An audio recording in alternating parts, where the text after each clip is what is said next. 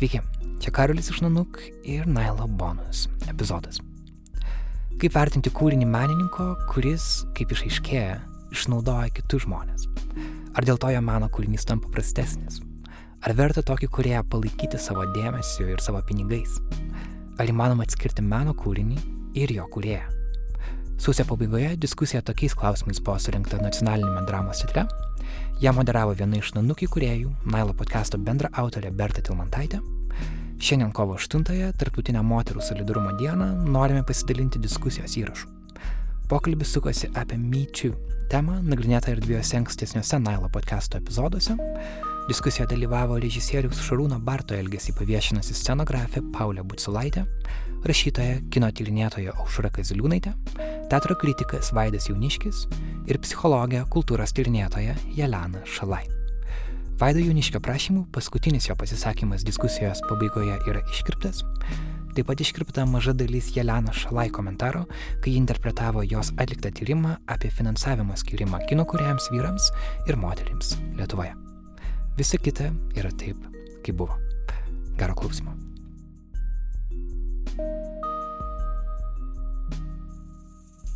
Labas vakaras. Um, gal galime jau ir pradėti šio vakaro diskusiją. Paprastai aš nekalbu, sėdžiu ten, kur ir jūs visi. Tačiau šio vakaro diskusija yra šiek tiek ypatinga, nes ją moderuoja ne kaip šį sezoną yra įprasta Kristupas Sabolius, o Berta Tilmantaitė, žurnalistė, fotografė ir multimedijų platformos nanuk.lt viena iš kuriejų. Iš tiesų, nanukas man buvo vienas tokių gražesnių ir įdomesnių atradimų pastaruoju metu. Tai labai džiaugiuosi, kad Berta yra čia. O aš tiesiog naudodamas į progą norėčiau padėkoti, kad jūs čia susirenkate, kad ateinate. Iš tiesų esate įrodymas, kad šitų pokalbių reikia, vis dar reikia. Ir paprastai galvodami apie temas diskusijų, mes tengiamės atliepti tai, kas yra aktualu dabar, čia, kas skauda. Tačiau galbūt kartais mums tai pavyksta geriau, kartais blogiau. Ir todėl norėčiau paprašyti ir, ir kartu pakviesti jūs prisidėti prie tų temų galvojimo Tai dar prieš išeinant iš šios diskusijos, tenais yra tokia dėžė balsavimo, kur galite tiesiog pasiūlyti temą ateinančiam diskusijom. O šį vakarą tiesiog perdodu jau mikrofoną Bertai. Ačiū Agni, ačiū Jums visiems, kad atėjot. E, ten, kur stovintys žmonės, dar čia yra vietų prieki, visur galite ateiti prisėsti.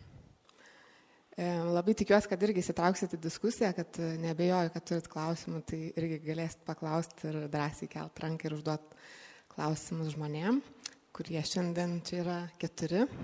Ačiū visiems, kad atėjote. Tai yra scenografija Paulė Batsulaitė, psichologija, kultūros tyrinėtoja, socialinių mokslų daktarė Jelena Šalai, rašytoja ir kino tyrinėtoja Aušra Kazeliūnaitė. Aušra ir teatro kritikas Vaidas Jauniškis. Tai galite pasveikinti, paplot.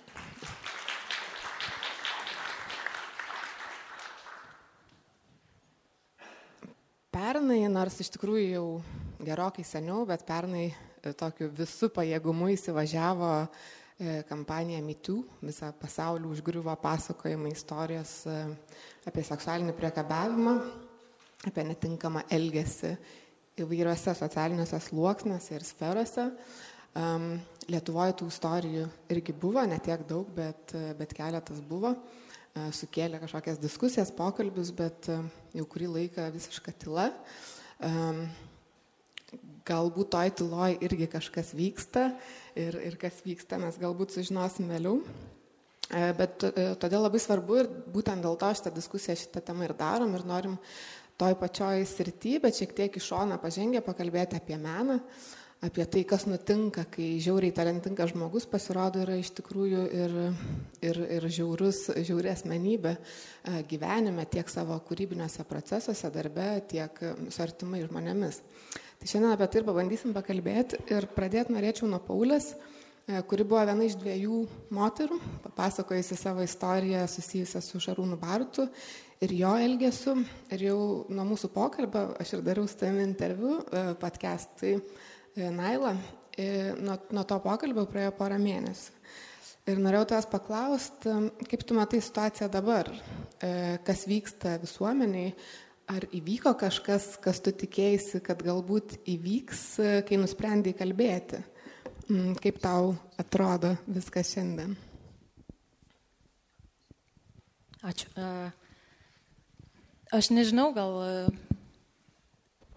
aš iš viso nelabai žinojau, kuo tikėtis, kai, kai, kai pradėjau kalbėti ir iš vis mm, ne, ne, neplanavau savo gyvenime kalbėti apie šitą dalyką iš viso. Čia tiesiog taip gavosi e, labai viskas impulsyviai.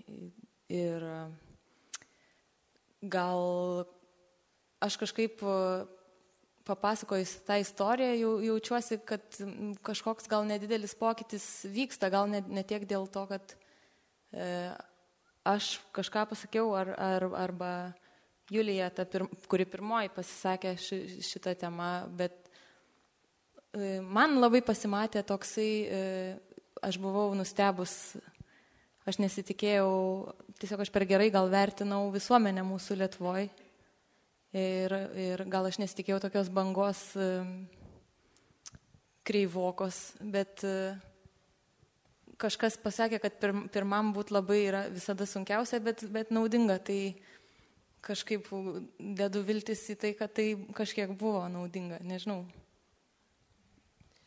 Aušrai, tą pačią temą, tą patį klausimą norėčiau tavęs paklausti e, apie tai, kaip tau atrodė ta situacija ir kas vyko šitos du, du mėnesius nuo papasakojimo nuo, nuo, nuo Paulės ir, ir Julijos papasakotų istoriją apie Šarūną Bartą. Dar mes turėjom kitą istoriją Panevežė dramos teatre, turėjom istoriją Seime su Kestučiu Pūku, kuris atsisakė, dabar jau nori susigražinti savo Seimo nario mandatą. E, kaip tau atrodo būtent tos reakcijos, apie kurias Paulė kalba socialiniuose tinkluose visuomeniai, e, ką mes iš jų galim spręsti apie save?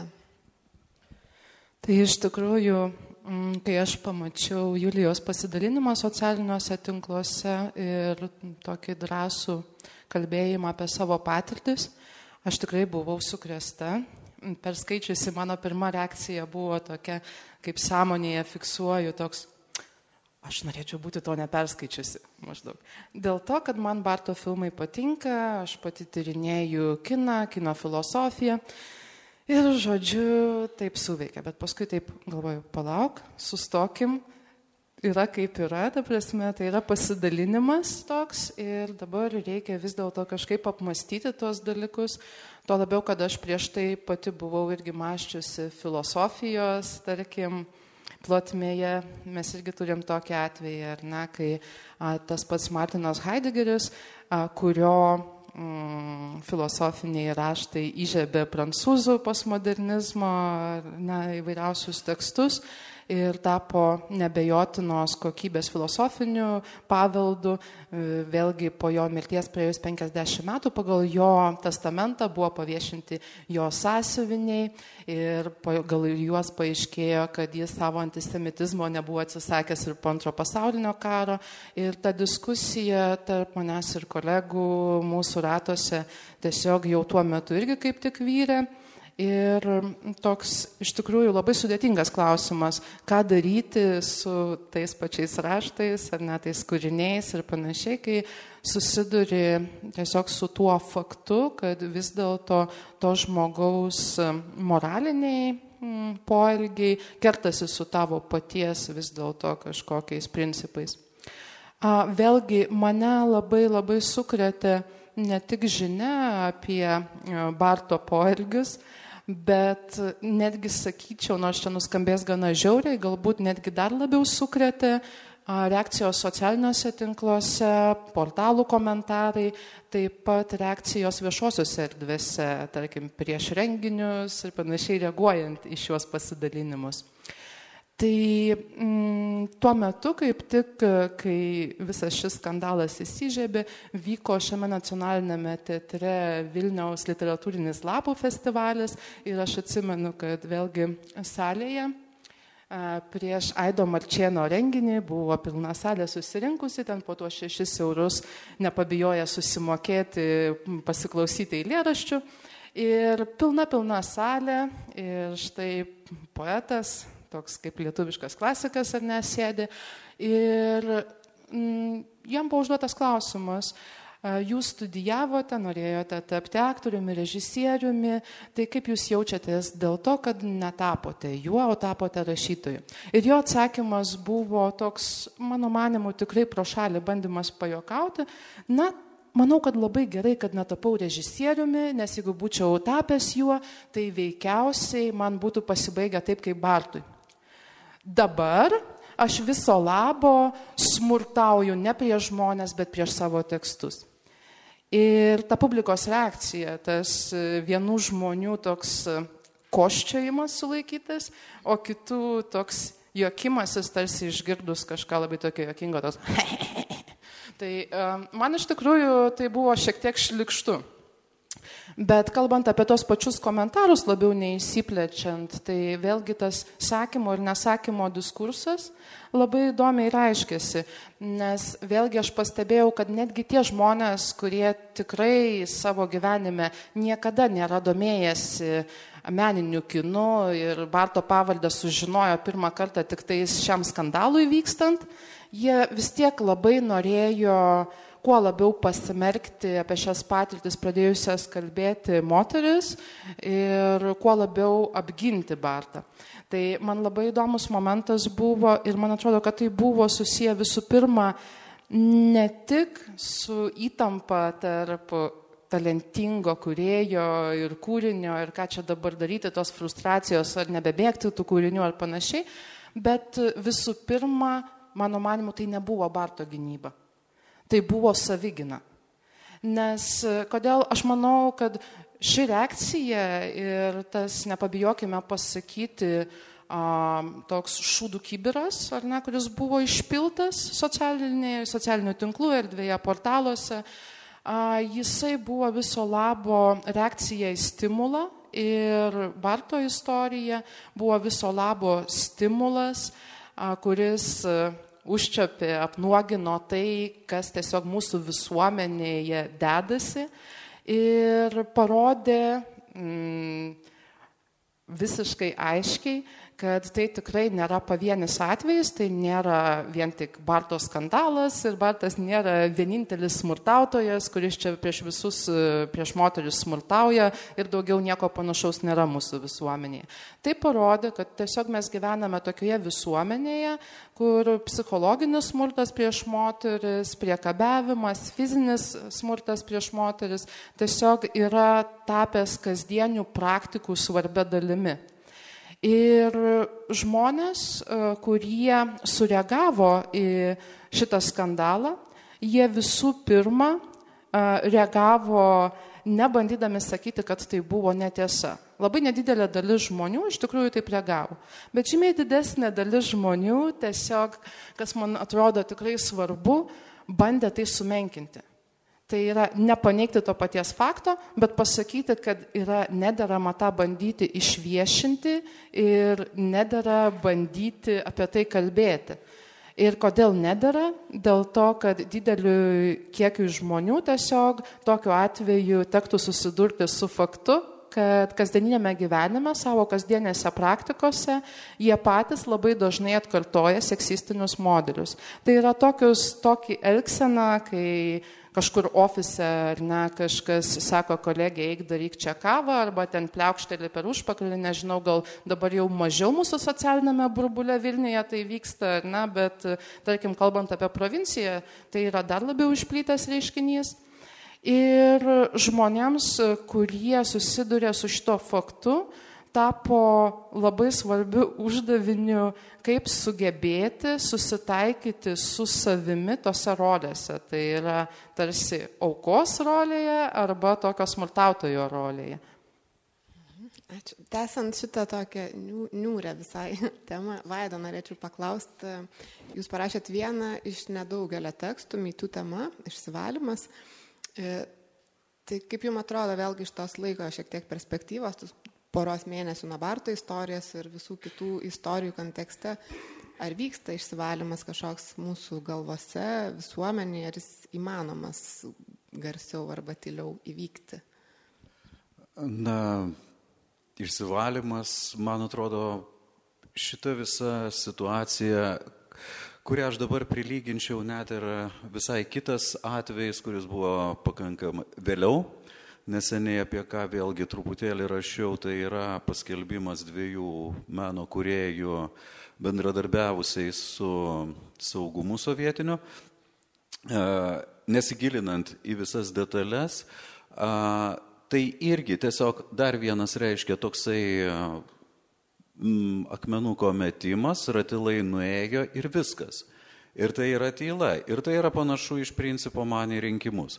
Tai yra, mes kartą per ketverius metus sudalyvaujam, pusiau sudalyvaujam, ar kiek ten procentų, ir tuo viską pabaigiam. Ir tai visiškai nepanašu į nei mitų, reiškia, Amerikoje, nei į Amerikos rinkimus kad eina žmonės ir e, savarankiškai, savanoriškai, non-stopų tikrina, būna, diskutuoja, kalba, į, taip sakant, būti apibendrintai kalbant ties tuo. Tai dėl to aš sakyčiau, kad šitoj situacijai Bartas ir liko vienintelis atstovas visos visuomenės. Nėra daugiau jų nes nėra neįvardinta ir pagaliau net ir jis nėra a, toliau jokio sekimo, aš bent negirdėjau tiesiog. Visuomenės reakcija yra labai natūrali dėl to, kad tiesiog inercija yra saugu. Lygiai taip pat ta pati, tokia pati reakcija buvo, sakykime, vėlgi lyginant su tais dviem žmonėm paskelbtais, bendradarbiavusiais ar ne, vėlgi tai yra saugu. Ta mūsų inercija ir tai, kad mes įsileisti kažką, kas yra neįprasta, ką mes dievinom, ką mes meldėmės, arba tiesiog, kas mums patinka, yra pakankamai sudėtinga kaip ir apskritai priimti kitą nuomonę, sutikti su ją, atsiverti ir staiga pagalvoti, o gal yra ir kitos nuomonės ir taip toliau. Tai šitoj vietoje man yra tas a, toksai apatiškumas. A, kurį aš nežinau, kas šiuo atveju tiesiog visi, visa visuomenė, labai lengva tai pasakyti, vienas kitas straipsnis neužpildys tiesiog ar straipsnis, ar kažkokį tai dar keletas ratilų kažkokių, kurie bus. Tie žmonės tampa vėlgi tam tikrais ne tik epicentrais, bet ir tam tikrais atpirkimo ožiais savotiškais. Nes tada į juos nukanalizuojama aibės e, visuomenės didelės, nedidelės, ne nežinau kurios dalies, nes sociologinių tyrimų nėra, todėl pavojinga kalbėti, bet kažkurios dalies tendencijos tam tikros. Ir tada tiesiog mes žinom, galbūt tie žmonės, trys žmonės, kuriuos paminėjote, yra pažymėti tam tikrais ženklais, stigmatizuoti, bet kas iš to ir kas po to, tai vėlgi tai yra tuščia ir mes gyvenam toliau savo saugiai, laimingai iki dar kokio nors galbūt paskelbimo, dar vieno, bet tai nėra sistema. Aš mytų judėjimą lab, ir taip pat įvairius panašius judėjimus. Aš labiau suvokiu kaip kova su, ne su praeities nuodėmėmis kažkokiomis, bet su kova su dabartinė sistema, Ir tai, kas pas mus e, atsitiko, tai, ką Paulė paskelbė ir kita aktorė, e, tai yra, man atrodo, kaip paskelbimai, perspėjimai savotiški apie sistemą pačią kalbant. Taip, tada apie sistemą kalbant, Jelena, jūs esat e, tyrimo um, moteris šio laikinėje Lietuvos kino industrijoje vadovė. Ir um, ar pastarųjų įvykių fone, va, būtent kalbant apie kažkokią sistemą, apie kažkokią struktūrą, bandant ją dekonstruoti, galima kalbėti apie hierarchiją ir patriarchatą. Gal galite pasidalinti kažkokiais e, tyrimo atradimais, e, ką jūs sužinojot e, tyrinėjant? Mhm. Aš turbūt turėčiau pradėti nuo platesnio konteksto, kas tai per tyrimas ir ką mes ten bandėme sužinoti. Tai yra tokia įstaiga Meno avilys, e, kuri užsiema medijų edukacija ir medijų tyrimais. Ir mes atliekame tyrimą, kurį grubiai galima pavadinti moteris kino industrijoje. Jis susideda iš dviejų tokių dalių. Kokybinė dalis, kur mes kalbinom 25 moteris, kurios dirbo arba dirba kino industrijoje, bet už kameros ribų. Tai yra režisierės, operatorės, kino dailės dailininkės ir taip toliau. Ir klausėm apie jų subjektyvę patirtį, tai yra kaip jos jaučiasi dirbdama savo darbą, koks yra jų profesinis kelias. Ir kita dalis buvo statistinis toks tyrimas, kur mes bandėme uh, suprasti, uh, Ar lytis apskritai daro įtaką karjerai kino industrijoje? Aš nežinau, tiesą sakant, šitas tyrimas buvo orientuotas į kino industriją, kiek mes čia galime apibendrinti, bet kiek aš matau, tendencijos yra, yra gana panašios. Um, tai šiandien labiau susikoncentruosiu į tą statistinį tyrimą ir ką jis mums parodė. Tai tokias bendriausias tendencijas surašiau, nes labai daug visko ir, ir paminėsiu tas svarbiausias. Tiesą sakant, gal netgi pradėti norėčiau nuo tokios asmeninės refleksijos ir kaip mes pradėjom tą tyrimą. Šiaip, kai darome kokybinius tyrimus, tai vienas iš reikalavimų yra nuolat vesti tyrėjo dienoraštį. Tai yra, mes esame keturios pagrindinės tyrėjos ir mes pradžioj susėdom ir pakalbėjom, kaip mums čia atrodo ta situacija, kaip, kaip mes matom ar, ar tos galimybės lygios ar nelygios. Ir man, tiesą sakant, asmeniškai pačiai atrodė, kad visai neutrali ta situacija. Aš pažinau, aš nesu žmogus iš kino, labai stipriai susijęs su kinu, šiek tiek domėjausi. Ir man atrodė, kad aš pažįstu keletą režisierių visai sėkmingai dirbančių moterų ir kitų profesijų. Ir kažkaip atrodė, kad sėkmingai visai tos moteris dirba ir jų yra, ir producerių visai nemažai režisierių. Bet po to, kai aš, ką aš sužinojau, kalbėdama su tom moterim ir, ir ką rodo skaičiai, tai nu, man situacija irgi atrodo niurokai. Tai viena tokia tendencija irgi buvo gana nuspėjama, tai yra būdingas labai tradicinis pasiskirstimas pareigom kino aikštelėje, labai daug yra grimerių, kostiumų dailininkų, dailininkių ir labai mažai moterų techninėse specialybėse, operatorių, garsiščių, montažo, režisierių. Ir tiek stojimai į muzikos ir teatro akademiją rodo tas pačias tendencijas, tiek šiaip dirbančių moterų, reiškia, kai mes žiūrim tą pasiskirstimą. Ir tik lėt, iš lėto tokius matom ateinančius pokyčius, kad nuosekliai nuo nepriklausomybės pradžios auga režisierių moterų skaičius, scenariščių ir producerių. Kitas dalykas, kurį mes analizavom, tai sidabrinių gervių apdovanojimai, kurie yra pagrindiniai kino apdovanojimai Lietuvoje, jeigu žinote. Tai irgi didžiąją dalį nominacijų nominuojami ir laimi vyrai. Nu, tai buvo šiek tiek netikėta tokia tendencija. Yra 15 iš viso kategorijų ir tik trijuose iš jų moteris laimėtojas perlipa 50 procentų kartelę ir tai nėra, sakykime, pačios prestižiškiausios kategorijos, tai yra geriausias trumpametražis filmas, geriausias animacinis filmas ir geriausias studento darbas, o visur kitur vyrai nominuojami daugiau ir atitinkamai laimi daugiau. Ir taip pat reikia pastebėti, kad jeigu moteris yra nominuojama, tai, tai tikimybė, kad jį laimės, yra gana didelė. Tai, nu, tai galima įvairiai aiškinti, bet tikėtina, kad moterų darbo kokybė yra gana gera. Ta prasme, jeigu bus jinai nominuota, tai yra tikimybė didelė, kad jį ir laimės. Arba tai gali būti sidabrinių gervių strategija. Aišku, jeigu moteris nominuota, tai ir duokime į tą gervę.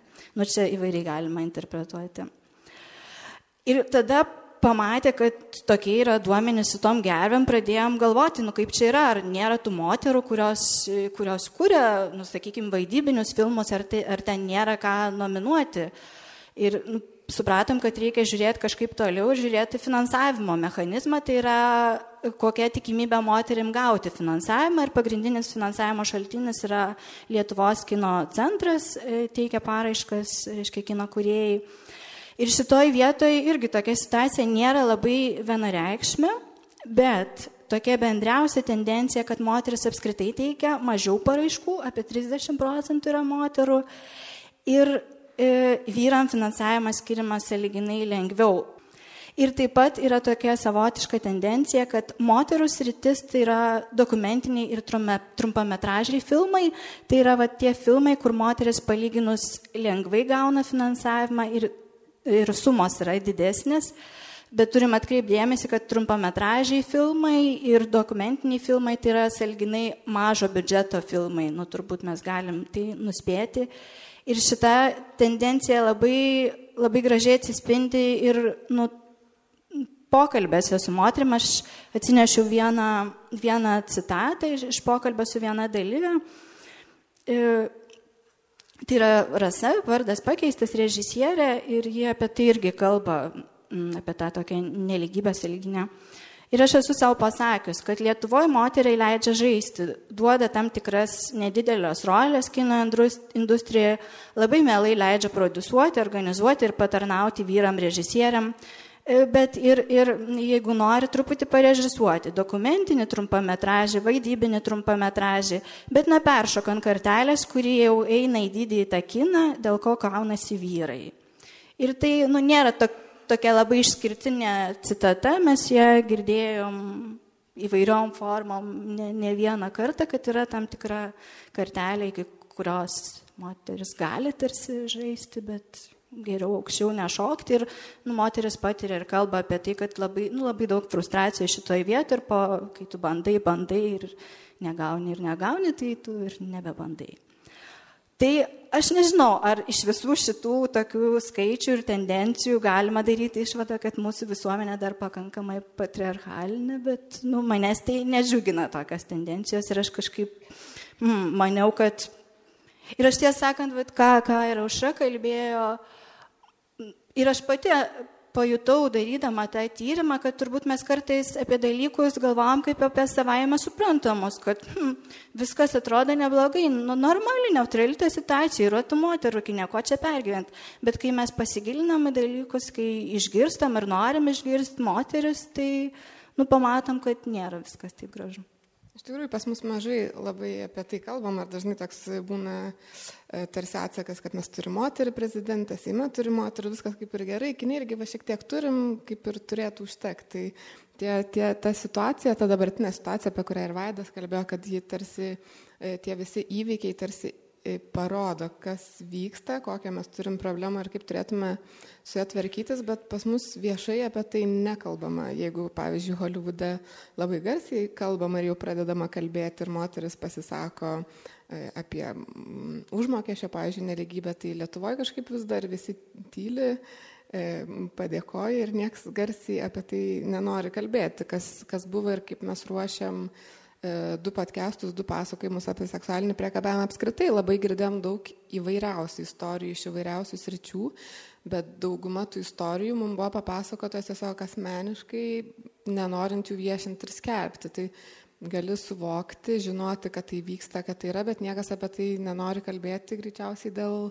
visuomenės reakcijų ir baimės, kas bus po to. Tai tas labai toks už, už, užsidaro viskas, nes tarsi nėra jokio išėjimo, nes jeigu niekas nekalbės, nebus tolimesnio e, postumio, o jeigu kalbės, e, stums kažkas atgal ir, ir vėl tarsi vietoj trypčiosim ir, ir nieko neįvyks. E, bet šiaip ar taip vyrai kuria, vyrai gauna finansavimą ir ne ir toliau kalbant apie, tarkim, vyrus, kurie iš atveju man labai strigo e, būtent pabarto istorijos, vienas interviu televizijoje, kur kino kritikė Izolda Keidošiūtė sakė, klausė tarsi, kas šiandien atsimena, kad Čarlis Šeplinas buvo teistas už santykius su nepilnametėmis. Aš visada atskiriu menininko kūrybinę veiklą ir jo asmenį. Tai ir, ir jūs, aušra, paminėjot, kad buvo sunku perskaityti mm, istoriją, išgirsti istoriją apie Bartą, nes jūs mėgstat e, jo filmus. E, tai ar galima, ar reikalinga ta skirtis, ar gera ta skirtis, e, kurią e, būtent mini Zolda Keidošiūtė, kad atskirti tarsi asmenį nuo jo kūrybos, ar, ar visgi labai svarbu žinoti abi pusės ir tada bandyti kažkaip išsivesti kažkokį vidurkį, kur tu esi ir ką tu darai su tuo kurėju ir jo menu? Iš tikrųjų, tai yra labai sunkus klausimas. Bent jau man atrodo, kad tai yra labai sunkus klausimas. Ir ypatingai šis klausimas yra sunkus, kai mes kalbam apie menininkus, kurie savo kūriniuose tiesiogiai nekalba apie smurtą. Neseniai praužusiuose mama apdovanojimuose mes turėjome visiškai priešingą atvejį. Nežinau, kas iš čia atėjusių jūs skaitė Karolio Višniausko straipsnį.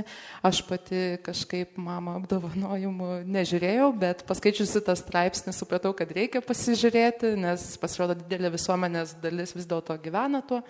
Ir iš tikrųjų man buvo šokas, kad, tarkim, tose apdovanojimuose buvo apdovanotas berots selo kūrinys, kuris tiesiogiai kalba referuodamas į savo, turbūt taip reikia suprasti, buvusią merginą, prieš kurią smurtavo ir kuri bijo grįžti į Lietuvą dėl jo smurto. Ir jis kalbėdamas apie tai, kad ten su ją susidoros ir panašiai, dar gauna apdovanojimą už tą kūrinį. Tai mes turim iš tikrųjų tokias dvi situacijas, nu taip grubiai, ar ne, galim pasižiūrėti, tokį kaip eskizą, tai vienu atveju kai smurtaujantis menininkai savo kūriniuose nekalba apie savo tas asmeninės smurtinės patirtis ir galbūt mes netgi mėgstame kūrinius ir visą kitą ir sužinome apie tai, ten, nu, kaip Čarlio Čeplino atveju, ar ne, ten po ilgo laiko. Ir ką mums tada daryti, ar mums nebemėgti tų kūrinių, kuriuos mes mėgome ir panašiai. Bet turime ir kitą atvejį, kai pasirodo atvirai kalbama apie smurtinės patirtis, jo šlovinamos, laikomos kaip tokio nedogminio ir rebel-rebel pozicijos ar ne, kooperavimo tokiu ir kurios sulaukia visuomenėje pasirodo irgi palaikymo, ten laikų, apdovanojimų ir panašiai. Tai mano manimu vis dėlto, nors ir dažnai norisi užmerkti akis, ar ne, jeigu tau patinka kažkoks meno kūrinys. Um, vis dėlto reikėtų prisiminti um, dar kartą, ar ne, tą posūkį, ten, uh, kas neleidžiama jaučiui, ten, kas leidžiama Marsui, neleidžiama jaučiui ir panašiai, ar ne, ir kažkaip jis bandyti savo kvestionuoti.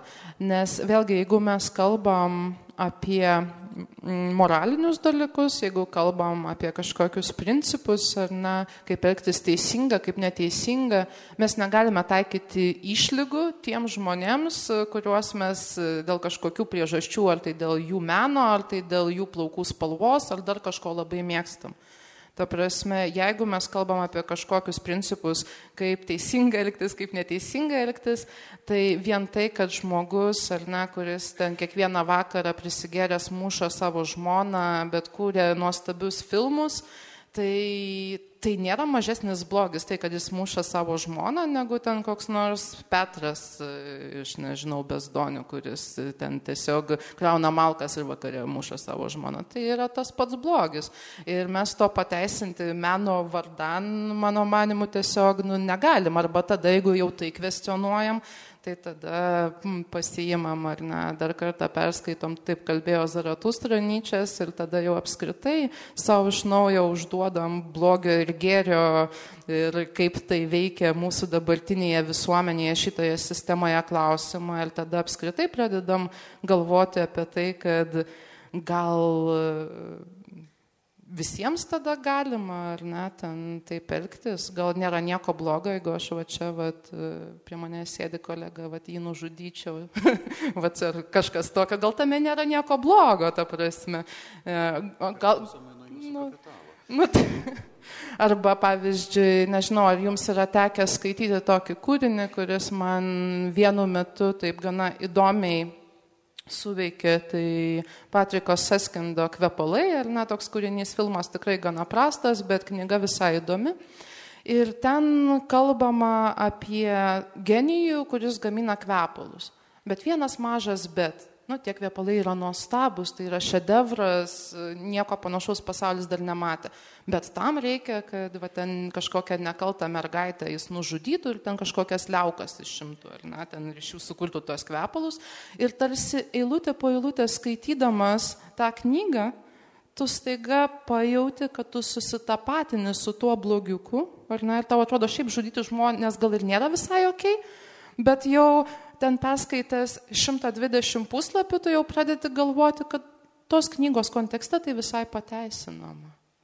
Na ir ta prasme, va čia yra tas dalykas, kad jeigu mes žaidžiam tą, e, kas teisinga, neteisinga, kas gera, blogą žaidimą, ir jeigu mes gyvenam tokioj visuomenėje, mes neturėtume daryti išlygų, va, kad va, tam Marsui galima, o to jaučiui negalima to daryti. Galima polemizuoti su jumis. Galit pabandyti. Aš esu psichiatrė, daug metų dirbanti, daug metų domiuosi kūrėjų asmenybėm, menu, teatru, kinu, daug ko. Man atrodo, reikia atskirti kūrėją nuo jo asmenybės ir nuo jo gyvenimo. Tai, apie ką mes čia kalbam, ponia Jangauskaitė pakalbės. Taip, mes esam labai seksistinė visuomenė. Mes labai daug, mes labai daug ką leidžiam ir labai tylim dėl smurto ir dėl visko. Labai sveikinu, kad jūs apie tai prabilot. Seniai išnekam, daug metų pašnekam ir nutylam. Ir ne tik kūryboje, bet kur. Nu, prisiminkim du garsius krepšininkus. Taip aš dar neužmiršau tos istorijos, kaip jie prie, prievartą vedė, o dabar sėkmingai gražiai gyvena. Ir niekas šito neatsimena, visi atsimena, kaip jie žaidžia, kaip jie žaidžia krepšinį. Taip, atskirkim kuriejus. Nemėgstu aš Barto asmeniškai. Man jo filmai per klampus, per filosofiški, mintys tęsiamos, aš neturiu tam kantrybės. Bet aš nemačiau šerkšno, o labai norėčiau pamatyti, dabar aš jį turėsiu gaudyti. Nes pažįstu asmeniškai ir Lyją, ir Mantą. Labai norėčiau pažiūrėti. Reiks dabar kažkaip tai man ieškoti, nes išmetėm e, kūdikį, vandenį išpylėm ir kūdikį kartu.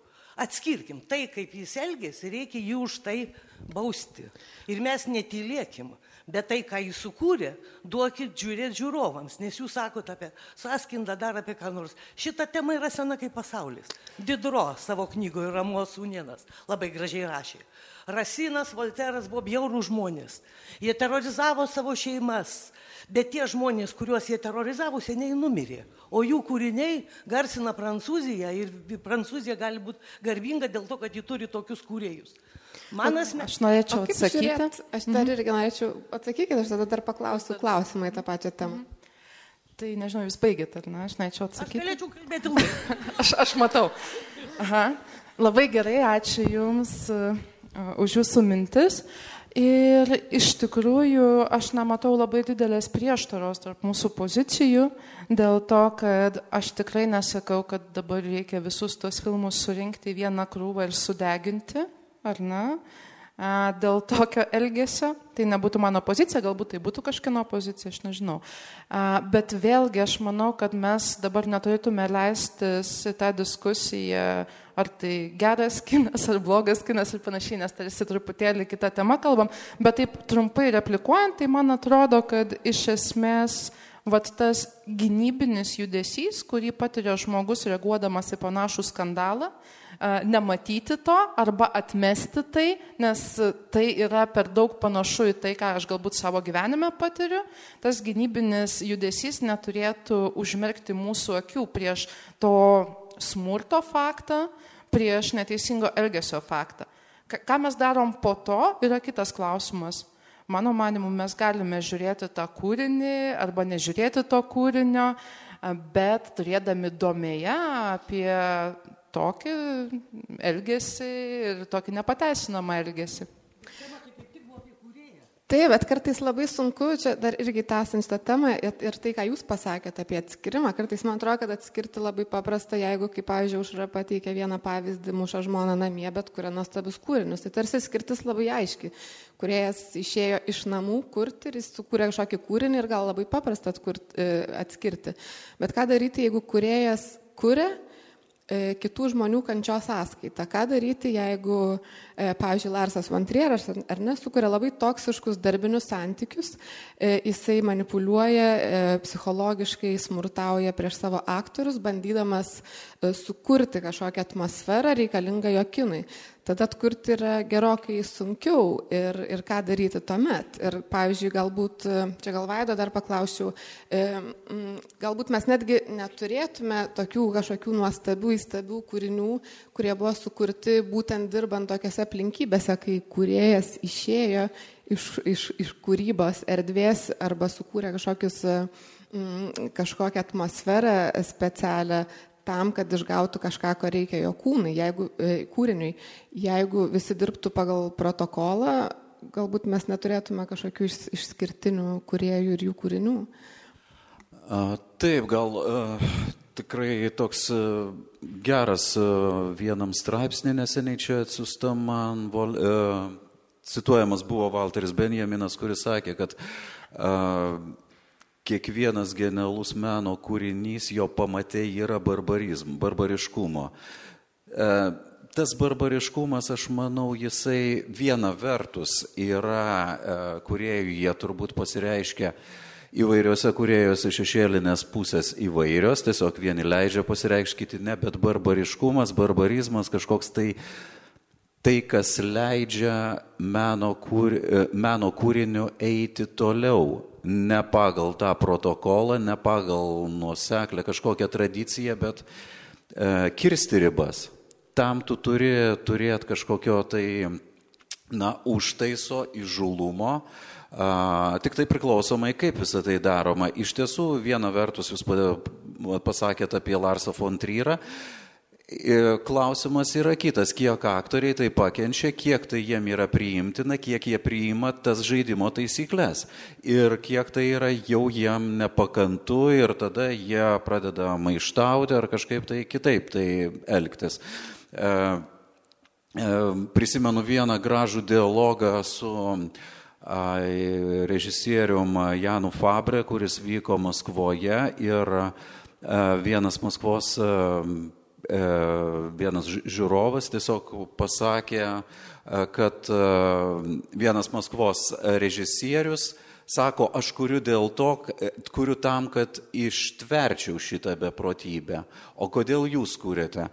Fabrė pasakė, aš kuriu dėl, tiesiog nustėręs absoliučiai nuo šito požiūrio, sako, aš kuriu dėl to, kad man tai labai patinka. E, tai yra visiškai skirtingi požiūriai grįsti gyven, gyvenseną tiesiog, kad vieniem yra reikia ištverti realybę, kuri yra už teatro sienų, o Fabrė kurdamas įvairias galbūt kitiem panašias perversijas ar dar įvairius dalykus, e, tokius, kurie yra na, nepriimtini gal daugam būtų, bet tai jo aktoriam priimtina ir jie žino, kad tas arti performanso meno esantis kūrinys, jis reikalauja tam tikrų dalykų. Tai dėl to aš manau, kad čia šitoje vietoje aš labai būčiau linkęs solidarizuoti su a, psichologija, a, a, psichiatrė, atsiprašau,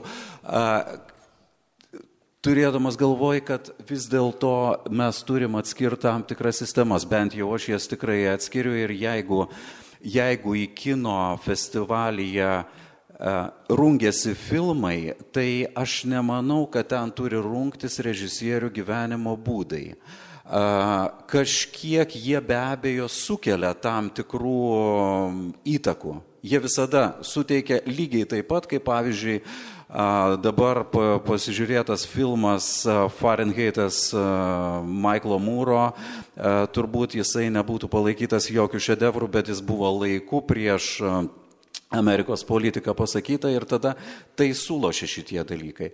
Bet vis dėlto man kaip kritikui yra svarbu, ar aš rašau arba ar aš skaitau psichoanalitinę recenziją, ar aš skaitau semiotinę recenziją, ar aš skaitau kokią nors tiesiog žmogaus biografiją. Ir kaip biografija įtakojo tam tikrus kūrinius. Bet kiek tam kūrinį, jeigu aš žiūriu tiesiog patį kūrinį, man turbūt kartais ir trukdo, arba, na, tiesiog aš manau, kad jum netrukdy žiūrėti objektyviai šerkšno, a, tiesiog žvelgti į tai tiesiog kaip į meno kūrinį ir jį vertinti iš meno kūrinio pozicijų, o ne iš dar papildomų, kurių labai daug gali būti. Jūs paminėjot Patriką Zuskindą, tai dabar čia kalbam apie tai, kad jie ten nedorėlis su žmogaus liaukom daro, bet mums turbūt visai neblogai yra purkštis kvepalai su gyvūnų liaukom, ar ne, kur ten ekstraktas paimamas. Aš kažkaip e, ruoždamas irgi apie tai galvojau, kiek tai yra aktorių pačių atsakomybė leisti su jais kažkaip elgtis, bet tada man susisieja su moterų patyrusių seksualinį smurtą ir būtent aukos kaltinimu, kodėl uh, moteris neišėjo, kai prie jos buvo priekabiaujama, lygiai taip pat, kodėl aktorius neišėjo, kai jisai prieš jį buvo psichologiškai e, smurtaujama. Ir tai labai priklauso turbūt nuo asmenybių, nuo to, kaip kiekvienas žmogus reaguoja kiekvienoje situacijoje. Mm, kartais aktorius gali bijoti išeiti dėl to, kad jo daugiau nekvies, e, o, o kai kurie kiti aktoriai, kiek teko skaityti apie Larsą Vantrierą ir aktorius dirbusius su jais, jie nuolat grįžta ir nori dirbti, nes jie mato tame prasme ir nori aukotis ir atsiduoti uh, kūrybai. Tai dar apie tą pačią atskirtį Paulės irgi norėčiau paklausti, nes tavo istorija buvo būtent darbinėje aplinkoje, kurią sunku atskirti nuo asmenybės ir nuo kūrybos. Kaip tau atrodo, ar yra čia skirtis, ar turi būti, ar gali būti, ar, ar nelabai? Man irgi čia labai yra sunkus klausimas ir um, man aš gal truputį net nemėgstu to mytių pavadinimo ir, ir to hashtego, nes jisai labai vis, viską suabstrahuoja į vieną kažkokią tai prilipdą etiketę, lik tie atvejai kiekvienas būtų vienodas. Bet e, būtent kalbant, kad apie atskirti kūrėjo ir jo kūrinio, man atrodo, kad kiekvieną kartą reikia labai individualiai žiūrėti tą atvejį. E, tarkim, kaip buvo šitas mūsų e, muzikantas Ten Walls pasisakė apie, apie homoseksualus ir tai sulaukė reakcijos, kad buvo laužomos jo plokštelės, tai aš to ne, nu, kažkaip ne, Nemanau, kad tai teisinga yra, dėl to, kad jo muzika niekaip yra nesusijusi su, su homoseksualumu arba su kažkokia tai diskriminacija. Tai yra, man atrodo, du skirtingi dalykai. Bet pavyzdžiui, šituo mano atveju, kurį aš patyriau, tai tiesiog aš žinau, kad čia yra metodika darbo.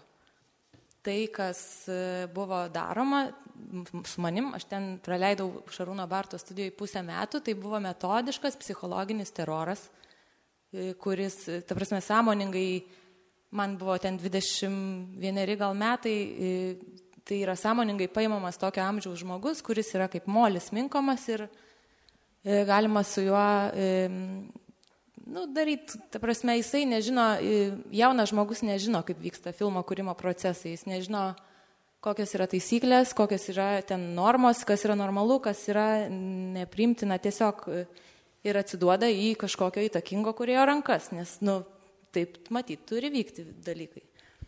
Ir tai sąmoningai yra daroma. Tai šituo atveju man atrodo, kad e, meno kūrinys tokia metodika padaromas yra labiau sukčiavimas negu meno kūrinys, todėl kad tu tą patį rezultatą galėtum pasiekti šiaip ir normaliais būdais, bet tai būtų žymiai sudėtingiau, tai būtų žymiai turbūt ilgiau užtruktų ir e, tiesiog taip sunkiau ir pareikalautų daugiau talento. Tas žmogus kitaip gal ir negali, bet, bet dėl to kažkas... Yra žmonių, kurie gal gali. Dėl to kažkas būdais. nukenčia, gal tada, gal tada turi kurti tas, kas gali. Gerai, prisiminkim Bertolucci ir jo e, filmą Last Tango in Paris. Tai tiesiog toks vienas iš, iš pavyzdžių. E, situacija, kuri irgi neseniai išaiškėjo po daugybės metų, kad galbūt, ne galbūt, bet buvo patvirtinta, kad aktorė e, Marija Schneider nežinojo, kad kaip iš tikrųjų įvyks sekso scena filme. Tuo tarpu režisierius Bertolucci su dvigubai vyresniu už moterį aktorę vyru E, Marlonų Brando sutarė, kad e, kaip jie tą sceną padarys, e, nežinant aktoriai, būtent tam, kad išgautų jos kaip merginos, moters reakciją, o ne kaip aktorės reakciją, nes tai bus tikriau ir paveikiau. Ir kaip tą sužinojus transformuojasi kūrinys, kaip tada mes galime jį žiūrėti, nes žiūrėdami būtent tą sceną mes liudijam seksualinę prievartą kaip auditoriją kokia yra mūsų atsakomybė, kaip mes tada galim žiūrėti tą kūrinį. Tai dar yra, nu, aš nežinau, ačiū Dievui, kad mes nevertiname Čarlzo Mansono kūrinių kaip genialių, nes, nu, aš nežinau, kur yra ribos tokiais atvejais. Ta prasme, čia yra dar sumenutas dalykas, kad jis yra labai labai subjektivus reikalas ir todėl e, jame dažnai yra patogu kreipti dalykus į vieną ir pusę, kitą pusę ir, ir leisti savo daugiau negu kad tarkim, ofise yra labai aišku, pliaukštė, pliaukštėlį per užpakalį ir čia jau yra, nu, ta prasme, čia jau yra viskas. O bet meno pasaulyje tai yra labai tiesiog tokie e, išplaukę dalykai, ten nėra, nėra tų ribų ir dėl to gal ir yra taip sunku atsakyti šitą klausimą ir nežinau, aš tai kankinuosi su juo visą gyvenimą, turbūt tiesiog bandydama atsakyti. Be, tiesiog norėjau paklausti, bet ar nuo to mum paskutinis tango Paryžiuje, koks jisai tampa? Man atrodo, kad jisai tada reiškia prarandama tam tikra, na, ne tiek aura, bet, bet čia mes lendam kažkur ne tik į užkulisius, bet šiaip, kaip žmogų apšnekėdami jau apiplet, apipletkindami ar kažkas panašaus man tai yra. Nes, nes tada aš nežiūriu į meno kūrinį, Bet aš tada jau pradedu žiūrėti, žiūrėk, o šitoje vat vietoje jisai ją išprievartavo iš tiesų. Ir kas iš to? Tada papildomos tos prasmes, kurios, yra, kurios galbūt galėjo būti išviešintos, jeigu tai yra, okei, okay, nepriimtina ar kaip vienaip ar kitaip, čia jau galim diskutuoti, bet tiesiog tada meno kūrinys, jisai, na, šitoj vietoje, man atrodo, kažko tai ne tik, kad netenka, čia mes nuskriaudžiam patys save kažkuo, tai man regis. Mačiau, užra nesutika purtė galvą. Ne, aš tikrai nesutinku su tuo ir tiesą pasakius, tada, kur yra ta riba, čia apskritai visą laiką buvo ribos klausimas ir dabar ypatingai mes jį paliečiam, tai mm, sekantis žingsnis būtų kalbėti apie snuff movie, tai yra, ta prasme, tokį kiną, kuriame kankinami žmonės iš tikrųjų, žudomi žmonės iš tikrųjų, prievartaujami žmonės iš tikrųjų, arba šuniukai numetami nuo tiltų, arba viešai humiliaitinami paaugliai, tarkim, YouTube irgi kartais iki išėmimo galima tokių video atrasti. Ir kas nutiktų, jeigu šiaip jau tas žmogus, nu, yra toks precedentas, pavyzdžiui, pasaulyje, nežinau, kiek čia yra žinančių tai, Bet vėlgi buvo garsiai nuskambėjęs atvejis, kai žmogus norėjo suvalgyti kitą žmogų ir tas kitas žmogus irgi norėjo būti suvalgytas, ar ne. Ir gal iš tikrųjų atsiras žmonių, kurie norės būti nužudyti genialaus kurėjo genialiame kūrinyje. Ir tada mes jau susidurėm vat, su ta riba, ar tai bus meno kūrinys, ar mes tą žiūrėdami uh, prisidedam prie viso to, ar mes, ta prasme, tą žiūrėdami atliekam kažkokį gana nemoralų veiksmą ar ne. Ir iš tikrųjų šiuo atveju, okei, okay, mes galime kalbėti apie paskutinį tango ar ne Paryžiuje, Ir kalbėdami apie tai paminėti, kad taip tas konsensusas vis dėlto buvo, nu, jis buvo pasakytas prieš tą patį ne, veiksmą ir aktorė su to sutiko, bet esmė ta, kad jinai per manipulaciją tiesiog sužinojo, kad ta scena bus e, atliekama taip, kaip ji buvo atliekama, tik tais prieš pat filmavimą. Ir iš tikrųjų tai yra širkštus manipulacijos pavyzdys, kada gana jauna aktorė ir dažniausiai vis dėlto kino industrijoje mes susidurėm su šiuo atveju, tyčia, netyčia, kad vis dėlto tie jauni aktoriai vyriškos lyties žymiai mažiau su tokia manipulacija susiduria negu jaunos moteris aktorius, grinai susijusios su seksualinė e, elgesio ir man atrodo, kad vis dėlto tas pats filmas, ar ne, aš jį mačiau, mačiau keletą kartų, man teko apie jį rašyti, Ir iš tiesų tas filmas, mano manimu, jeigu tos scenos nebūtų tokia, kokia jinai buvo, jisai netaptų ne ką menkavertiškesnių meno kūrinių. Ir klausimas, kodėl tokiu atveju apskritai tos scenos ten reikėjo ir ką jinai prideda ir ką atima, kai mes žinom jos nufilmavimo aplinkybės.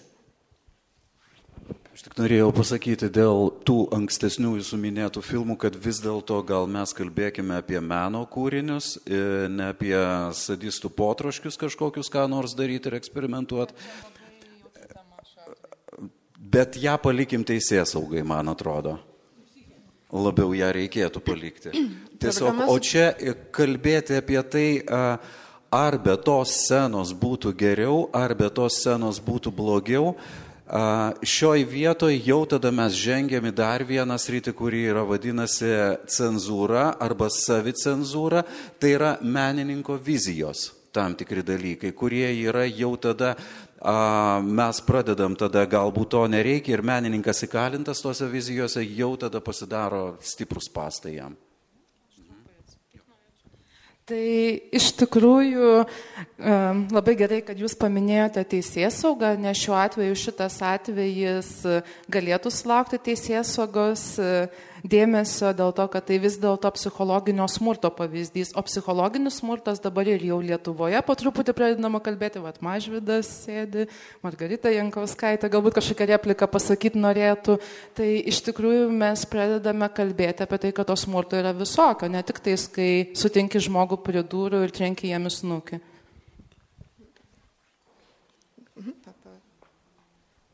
Kalbant, paminėjot šitą um, teisėsaugą, tai kartais tie atvejai labai sunkiai įrodomi ir va, būtent dėl to mes apie tai ir kalbam, kad kažkaip bandytume nuspręsti patys, kaip mes, kaip auditorija ir visuomenė esame atsakingi. Aš noriu tokį klausimą užduoti. Ar jums netrodo, kad va, šitoje diskusijoje menininkas yra kažkaip taip labai sudėvinamas? Nes kūrybą mes galim suprasti labai plačiai. Galbūt koks nors, nu nežinau, inžinierius yra didelis kuriejas ir labai įkvepia. Įžaginimas, sumušimas, pažeminimas, jis tokio adrenalino įgyja, nu ir paskui ten kokią nors formulę viens viens ir sustato. Tai ta prasme, jeigu mes sakom, kad, okei, okay, jeigu žmogus kuriejas, ar taip save pavadina, mes išeliminuojam ir atleidžiam jie viską, nu tai mes tada vis, visiems viską atleidžiam. Nes geras mechanikas irgi kuriejas. Tai prasme, geras mokytojas irgi kuriejas. Kūryba yra labai plati savoka. Ir jeigu žmogui reikia tik va tokio pasikrovimo, nu, tai tada mes viskas smurtaujam ir nedarom jokių problemų. O beje, kada buvo pasakyta apie tai, kad menininkai tarsi peržengia tam tikras ribas, aš vat, nu, dar čia taip sakant, sėdėdama tos minties iki galo neišmašiau, bet aš manau, kad kaip tik jie neperžengia ribų. Jie sustiprina ir paryškina tai, kas yra kultūroje. Nes jie ateina į auditoriją, kuri priema tą jų tekstus, įžaginimus, pažeminimus, Mes matome, kad yra masė filmų, kur įdedamos tos erotinės scenos, grinai tam, kad jos būtų. Ne dėl to, kad tai kažkaip tai papildo tą naratyvą ar kažkokį tokį dalyką. Kodėl? Todėl, kad visuomenėje tai yra normalu. Jie nedaro kažko išskirtinio. Nes galbūt jeigu jie darytų kažką išskirtinio, kaip tik mėgintų kurti harmoniją, kurios visuomenė nėra. Bet jie kaip tik pasroviui sustiprintai plaukia ir, ir pelno didelius bonusus iš to. Ačiū. Paminėjot sudėvinimą ir aš, Jelenas, norėčiau paklausti, kaip psichologijos, kodėl mes kaip visuomenė apskritai vat, sukūrėm, nes man atrodo, kad mes sukūrėm genijus ir juos išaukštinam, juos tam tikrą e, prasme sudėvinam. Kodėl mums reikia kažko, kas, ką galėtume garbinti ir kodėl be garbindami mes tarsi suteikiam neliečiamybę e, ir nenorim girdėti jokių blogų dalykų apie tuos kuriejus, kurie, kurie kuria mūsų manimų į, į stabų meną. Ir lygiai taip pat kaip juos sudėvinam, mes juos galėtumėm nuleisti ant žemės ir padaryti lygius mums ir lygiai taip pat atskaitingus tiek, tiek teisės saugai, tiek moralės normams ir visiems kitiem dalykam. Man sunku kalbėti už visą visuomenę, aišku, bet aš labai pritariu tam, kas buvo ką tik pasakyta ir tai yra, nežinau, net ar sudėmnio, tai yra žodino klausimas, aš sakyčiau, nes kažkodėl, kalbant apie Barto atvejį, nu, iš karto figuruoja genijaus savoka. Uh, Bet kur kitur tai būtų kriminalas tiesiog ten kažkur penktam puslapį. Tai, nu, apie tą vat, žodyną mūsų, mūsų visuomeniai, tai aš kažkaip irgi vat, visą laiką galvoju, ir mūsų tyrimė gal tas išiškėja, nes kaip, pavyzdžiui, yra jaunas kuriejas vaikinas, tai jis yra perspektyvus ir talentingas jaunas kuriejas. Kai yra mergina, kuri nieko nesukūrė, tai yra mergina, kuri neturi patirties ir dėl to ten neskirkime finansavimo. Nu, tai yra tai, kaip mes kalbam. Nežinau, kam mums to reikia. O čia atsiliepiant, kažkaip aš irgi klausiausi tos diskusijos ir, nu, man atrodo, mes taip visi, daug maž nugalau šrane, taip pritarėm, kad būtų galima padaryti tą skirti, kad yra menas ir yra kuriejas, yra kūrinys ir kuriejas ir vat, psichiatrė pašnekovė irgi sakė, nu, nubauskim tą bartą, bet žiūrėkim jo šerkšnį ir visus kitus filmus, bet man atrodo, dėl to ir nėra taip paprasta.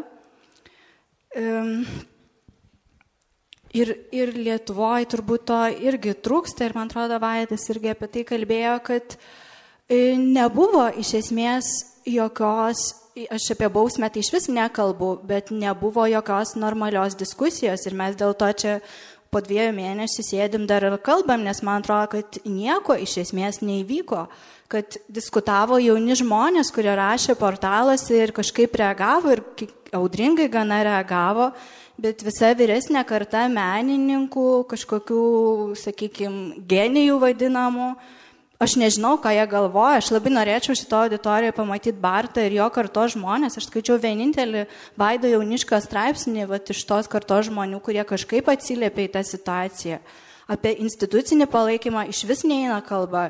Aš nežinau, aš, man atrodo, kultūros ministerija paskelbė kažkokį mini nepritarimą tokiam elgesiui. Nepaskelbė nieko, visas institucijas sakė, kad reikalingas kažkoks įrodymas. Ir šiuo metu Barto čia nėra, nes jis yra Prancūzijoje, kur pristato savo kūrybą Lietuvos e, filmų retrospektyvos, Cinematic Francis Taip, taip, taip. E, e, štai organizacijoje.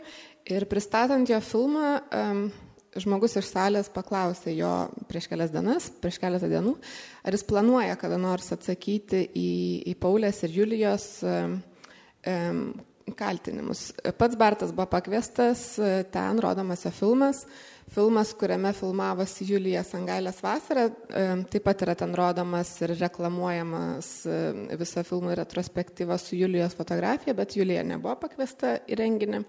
Ir žodžiu, kai Bartui buvo užduotas klausimas, ar jis planuoja kažkaip atsakyti, e, žiūrovas buvo greitai nutildytas ir buvo pasakyta, kad e, čia mes susirinkom kalbėti apie kiną ir gal, galbūt kas nors turi klausimų apie kiną. Ir vėlgi buvo tarsi, nors, nors tiek Julijos, tiek Paulės istorija jinai yra susijusi su darbo aplinka, tai vyko kino kūrimo procese. Net pats genialiausias genijus negali kurti vienas, jam reikalingi aplink kos žmonės padedantis jam kurti. Tai čia vėlgi tada tas toks kolektyvinės atsakomybės klausimas, ruošiant, pavyzdžiui, podcastus apie seksualinį priekabiavimą tiek Barto atveju, tiek kitais, Buvo daug istorijų. Aplinkos žmonės žino, kas vyksta, bet visi tyli ir nieko nesako. Ir mes auditorija arba organizacijos, tiek Lietuvos kino centras, pavyzdžiui, tiek kultūros taryba, kurie finansuoja, mm, kol nėra įrodymų, kuriuos kartais labai sunku gauti, tol tarsi čia nieko neįvyko. Ir irgi leidžia tam vykti. Tai tarsi toliau leidžiama kurti ir toliau leidžiama vykti tam, kas vyko. Aš labai pritariu. Man atrodo labai svarbu tą pastebėti, kad nu, visiškai nėra institucinio kažkokio tai reagavimo arba jis labai yra minimalus. Aš net nežinau, galėtų, kad ir ten festivaliai ir kultūros organizacijos pareikšti nuo, nuo, nuo savęs kažkokią tai nuomonę, bet to nebuvo daroma. Ir tada žmonės, aš manau, žmonės asmeniškai sutrinka, nes tu nebežinai, kaip, kaip čia elgtis. Mano kolegė, jis sakė, kad dabar jinai cenzuruoja Barto filmus, ta prasme, jinai sako žmonėm, kad jie į juos neitų. Ne dėl to, kad jinai mano, kad jie yra blogi filmai, bet jinai mato, kad nevyksta jokio reagavimo, kad kino centras toliau pristatinėja Barto filmus filmus ir jinai jaučia kaip žmogus, kad ji turėtų kažkaip tai reaguoti ir, ir reaguoja. Ir aš manau, nu, mes iš dalies, jeigu nėra to institucinio reagavimo, nėra tos kolektyvinės atsakomybės, nežinau, kaip, kaip jinai ten turėtų būti išreikšta, tai mes kiekvienas bandom kažkokiu tai nu, asmeniniu, asmeninę tą atsakomybę prisimti ir kažkokiu būdu reaguoti. Ir tada, nu, ir tada tu savo užduodi tą klausimą. Buvo aš norėčiau dar tęsti, aha, ir tada pakalbėsim dar apie kūrybą, bet atsakant, kad nenutoltume nuo to, ką ką tik pasakė Elena, e, kad dar buvo pora reakcijų Vilnius miesto savivaldybė, atšaukė sutartį, e, atėmė. Nebepratėsi kūrybos. Nebepratėsi sutarties. E, kitas atvejis buvo, kad festivaliai Šeršelė Fem buvo atsisakyta rodyti filmą apie jo buvusią žmoną, kuriame ir jis pats pasirodė, bet tie abu du veiksmai vėlgi buvo pasitikti su labai didžiuliu pasipriešinimu, kad tai yra e, neteisinga, vėl norint atskirti kažkaip. E, tai žodžiu, vėl ta kolektyvinė atsakomybė irgi stabdoma yra ir, ir nereaguojant yra blogai, ir reaguojant yra blogai. Tai kaip reikėtų elgtis?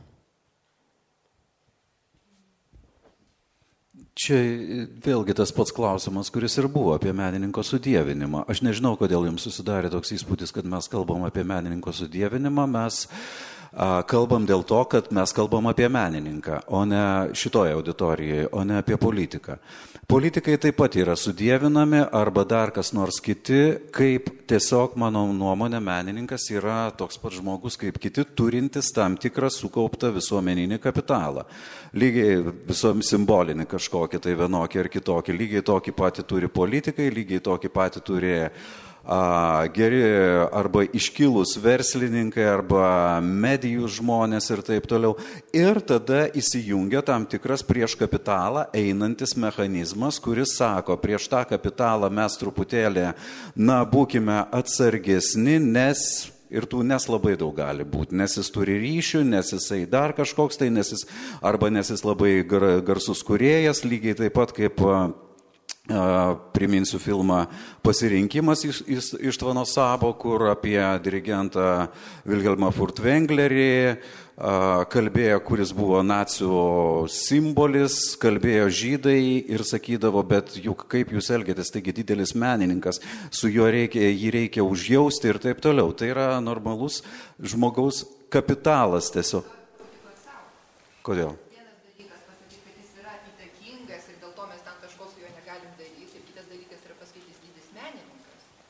Tai jis.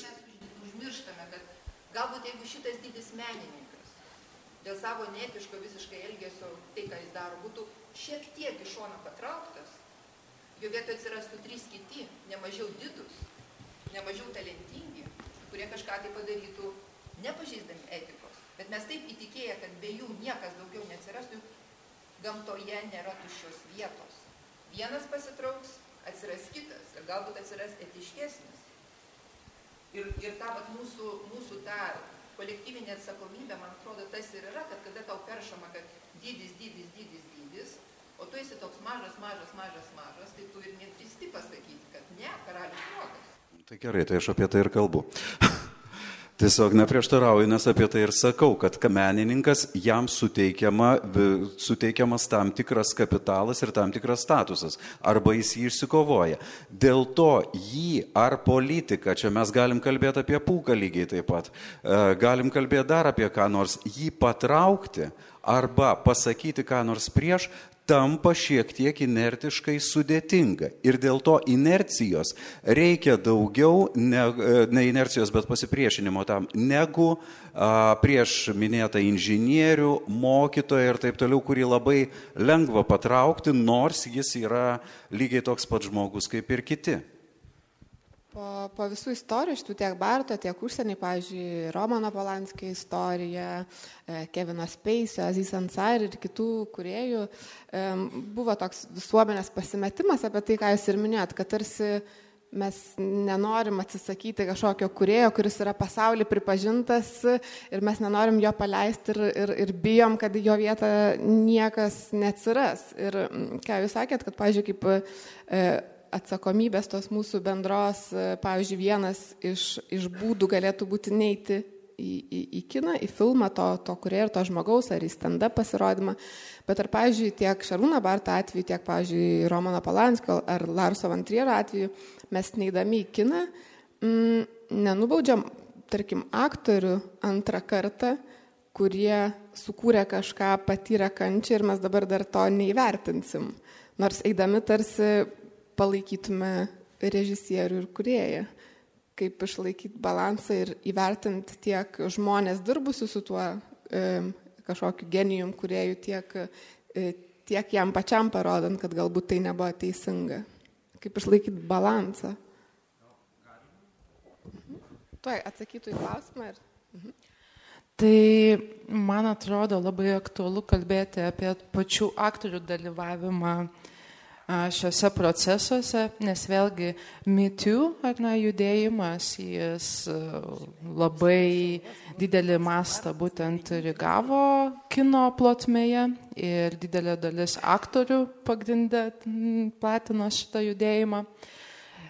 Bet vėlgi mes galime pasižiūrėti, kad viena vertus į apdovanojimų ceremonijas eidamos kino aktorės a, išsako solidarumą ar ne su šiuo judėjimu, bet galime pasižiūrėti, kas vyksta ir mažiau tokiame demonstru, demonstruojamame ligmenyje. Tai yra galima pasižiūrėti į kino kontraktus, kino sutarčių sudarimus. Tai yra didelė dalis tų pačių aktorių sudaro kontraktus vaidinti filmuose, kurių scenarijai iš esmės uh, ne tik, kad nepaneigia tam tikrų seksistinių ir smurtinių praktikų, bet kaip tik jas normalizuoja ir įtvirtina. Tai manau, kiekvienam iš mūsų čia sėdinčių bent kartą gyvenime tikrai yra tekę matyti hollywoodinius filmus, kuriuose tiesiog tiesioginio to žodžio prasme tokios negatyvios praktikos yra pateikiamos kaip neginčiama kasdienybės dalis. Tai vienas iš tokių labiau paplytusių, mm, vėlgi momentų tai būtų romantizuotas konsensuso nebuvimas. Tai yra holivudinėme kine beveik visi turbūt yra matę tokią sceną, kai štai vaikinas bando pabučiuoti merginą, e, merginą ir e, ta mergina sako, ne, ne, aš nenoriu su tavim bučiuotis, bet galų gale jis ją pabučiuoja ir tada po to būna toks nors happy endas koks nors arba dar kažkas tokio. Nu, aš čia labiau kalbu apie komercinį kiną. Tai šiaip jau tas romantizuoto konsensuso nebuvimo momentas, to sutikimo nebuvimo momentas, mes jį galime atrasti senuosiuose žvaigždžių karų filmuose ir netgi šiais metais Hollywoodo produkcijos įvairiuose pavyzdžiuose. Ir ne tik tas bučinys ar neuždraustas, bet lygiai taip pat klišė esantis persekiojimo momentas, ar ne, kad vat, įsimylėjęs, ten desperatiškas jaunuolis, laksto paskui merginą ten po langais, iš esmės ją stokina, ten persekioja ir kitaip neduoda ramybės, kol galų gale jinai atkreipia į dėmesį. Ir iš tikrųjų ką tokie naratyvai sako plačiajam pasauliui, ten visuomenės masėms ir panašiai. Tai visų pirma, perdoda tą žinutę berniukams, kurie žiūri šitos filmus, kad reikia persekioti mergaitės ir galbūt netgi mes auginame vis iš naujo naują prievartautojų kartą potencialių. Mergaitėms sako, kad jų patrauklumas ir seksualumas iš esmės yra matuojamas persekiojimo ligmens, ten tuo, žodžiu, kažkokiais momentais skale. Tai žodžiu ir labai įdomu, kai aktoriai ir aktorės pasisako Holivude, kad vis dėlto mitiu ir čia priekabiauja prie mūsų ir visa kita. Ir aš iš tikrųjų palaikau šį judėjimą, iš esmės dėl to, kad manau, tai įgalina uh, žmonės, tarkim, provincijoje, pavyzdžiui, kokiuose prienuose paauglę augančią ar ne, kuri patiria priekabiavimą patėvio, tarkim, hipotetinę, apie tas patirtis pabandyti pakalbėti ar ne, pranešti galbūt netgi teisės saugai, ten kitiems žmonėms.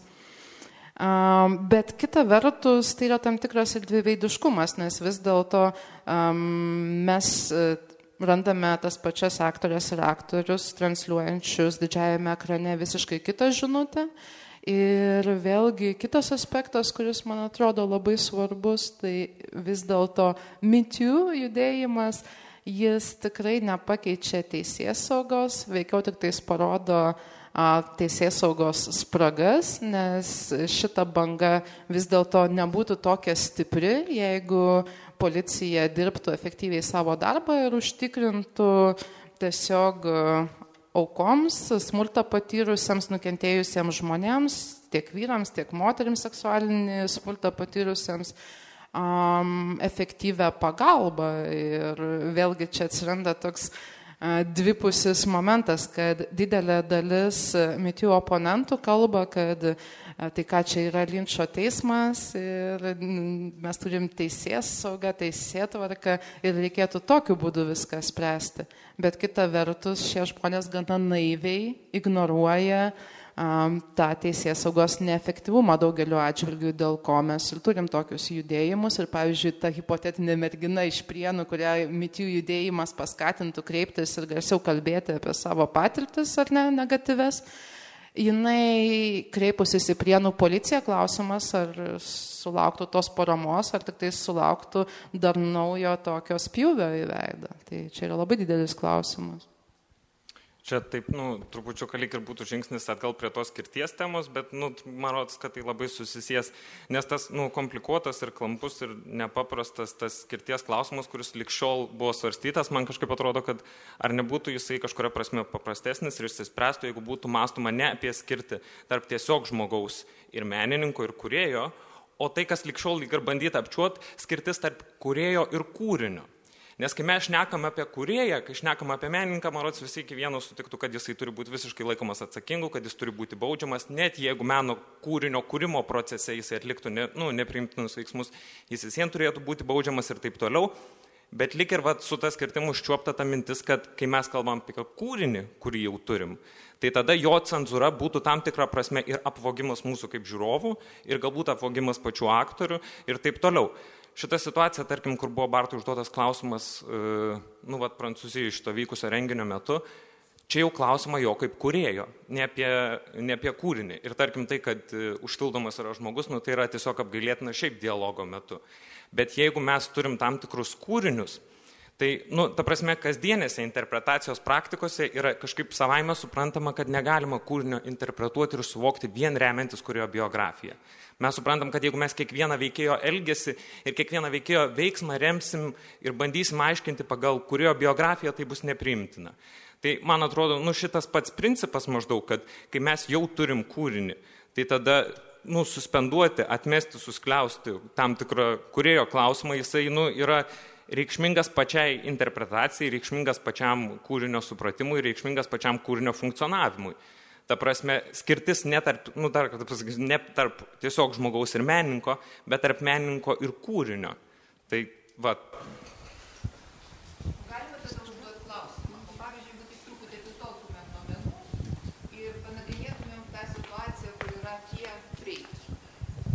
Taip, sąžininga priekyba. Yra kava, kurią jūs galite nusipirkti dėl to, kad tai yra sąžiningai surinktos pupelės, nieko neišnaudojant. Ir gali būti kava, kuri yra surinkta išnaudojant vaikų darbą, vergiškai išnaudojant. Jūs pirkdamas, nu ne jūs, atsiprašau, čia aš taip pirštų bakstelėjau, mes pirdami tą kavą iš esmės palaikome vergišką vaikų išnaudojimą. Čia diskusijos vardan, kad ta prasme, taip liktai kuriejas ir produktas atskirai, Bet kada tu naudoji produktą nekritiškai, nu nesigauna taip visai nuo to kurėjo atskirti. Jo, čia panašiai kaip kolega irgi sėdintis šalia sakė, kad a, mes naudojame kvepalus su gyvūnų liaukom, bet vėlgi yra veganai, kurie nenaudoja jokios gyvūninės kilmės. Tai. Šitą patį norėjau papildyti, ką draugas pasakė. Mes labai susmulkėjom ir nusileidom iki Barto ir iki kino ir iki paskutinio kino. Arčiau. Ar, reiškia, ar tai jis genialus, ar neteities kartos parodys. Kai aš einu į Momą, į Metropoliteno muziejų, į Pradą, dar kur nors, aš nežiūriu. Žiūriu į kūrybą, o nežiūriu, ką, ką, kuo jis ir ką jis užmušė, ką jis padarė. Aš žiūriu į kūrinį, būtent ką žmogus pasakė. Ir ar tai genialus kūrinys dabar šito Barto, tai čia ateities kartus parodys.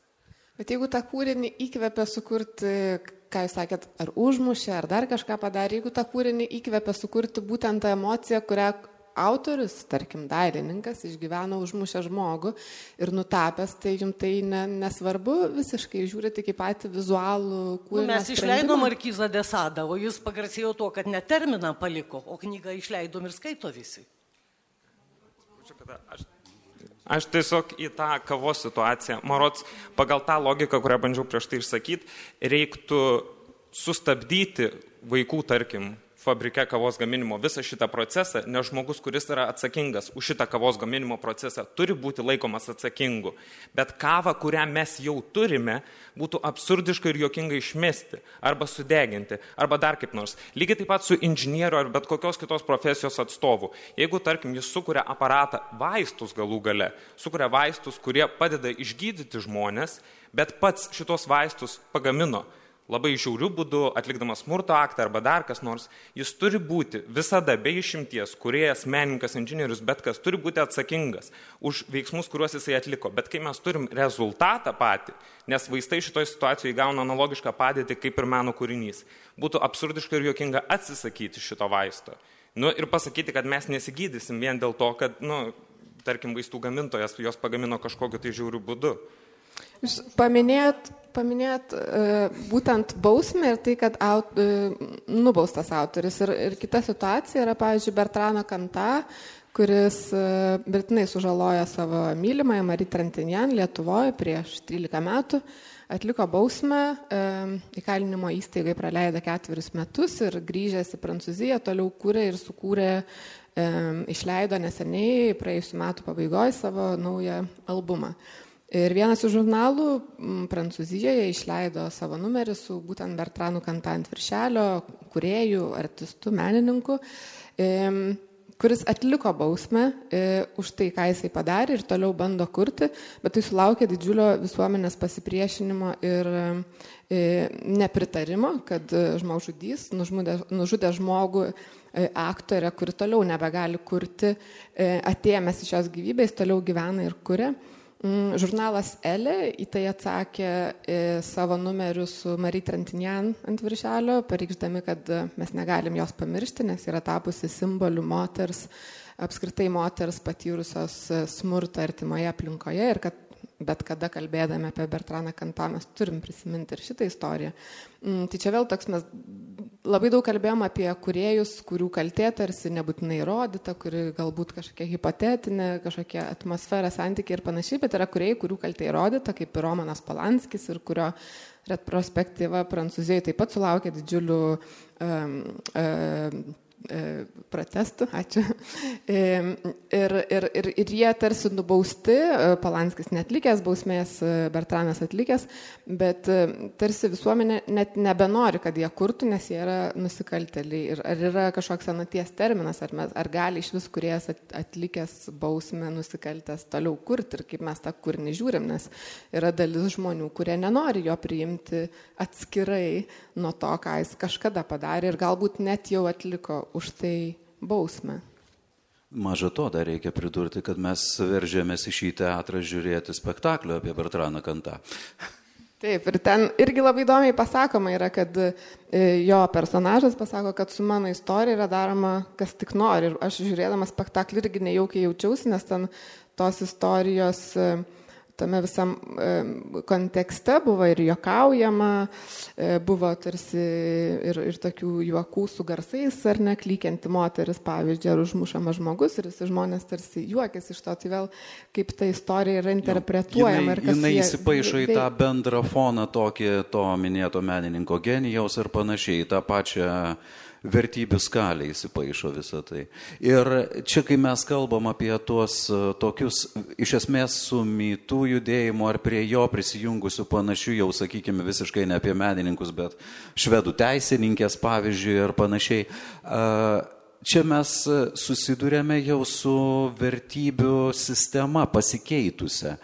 Tai, kada mes ten Britų parlamentaras, ministras atsistatydina už tai, kas buvo prieš 20 metų, kas buvo ar daugiau, kas buvo tuo metu ne, neva priimtina, dabar jau yra visai kitaip į tai reaguojama. Ir lygiai taip pat čia vėlgi tam tikros mes e, ne tik, ver, jeigu sakau apie vertybių kaitą, tai vėlgi tik tai tam tikros visuomenės dalies.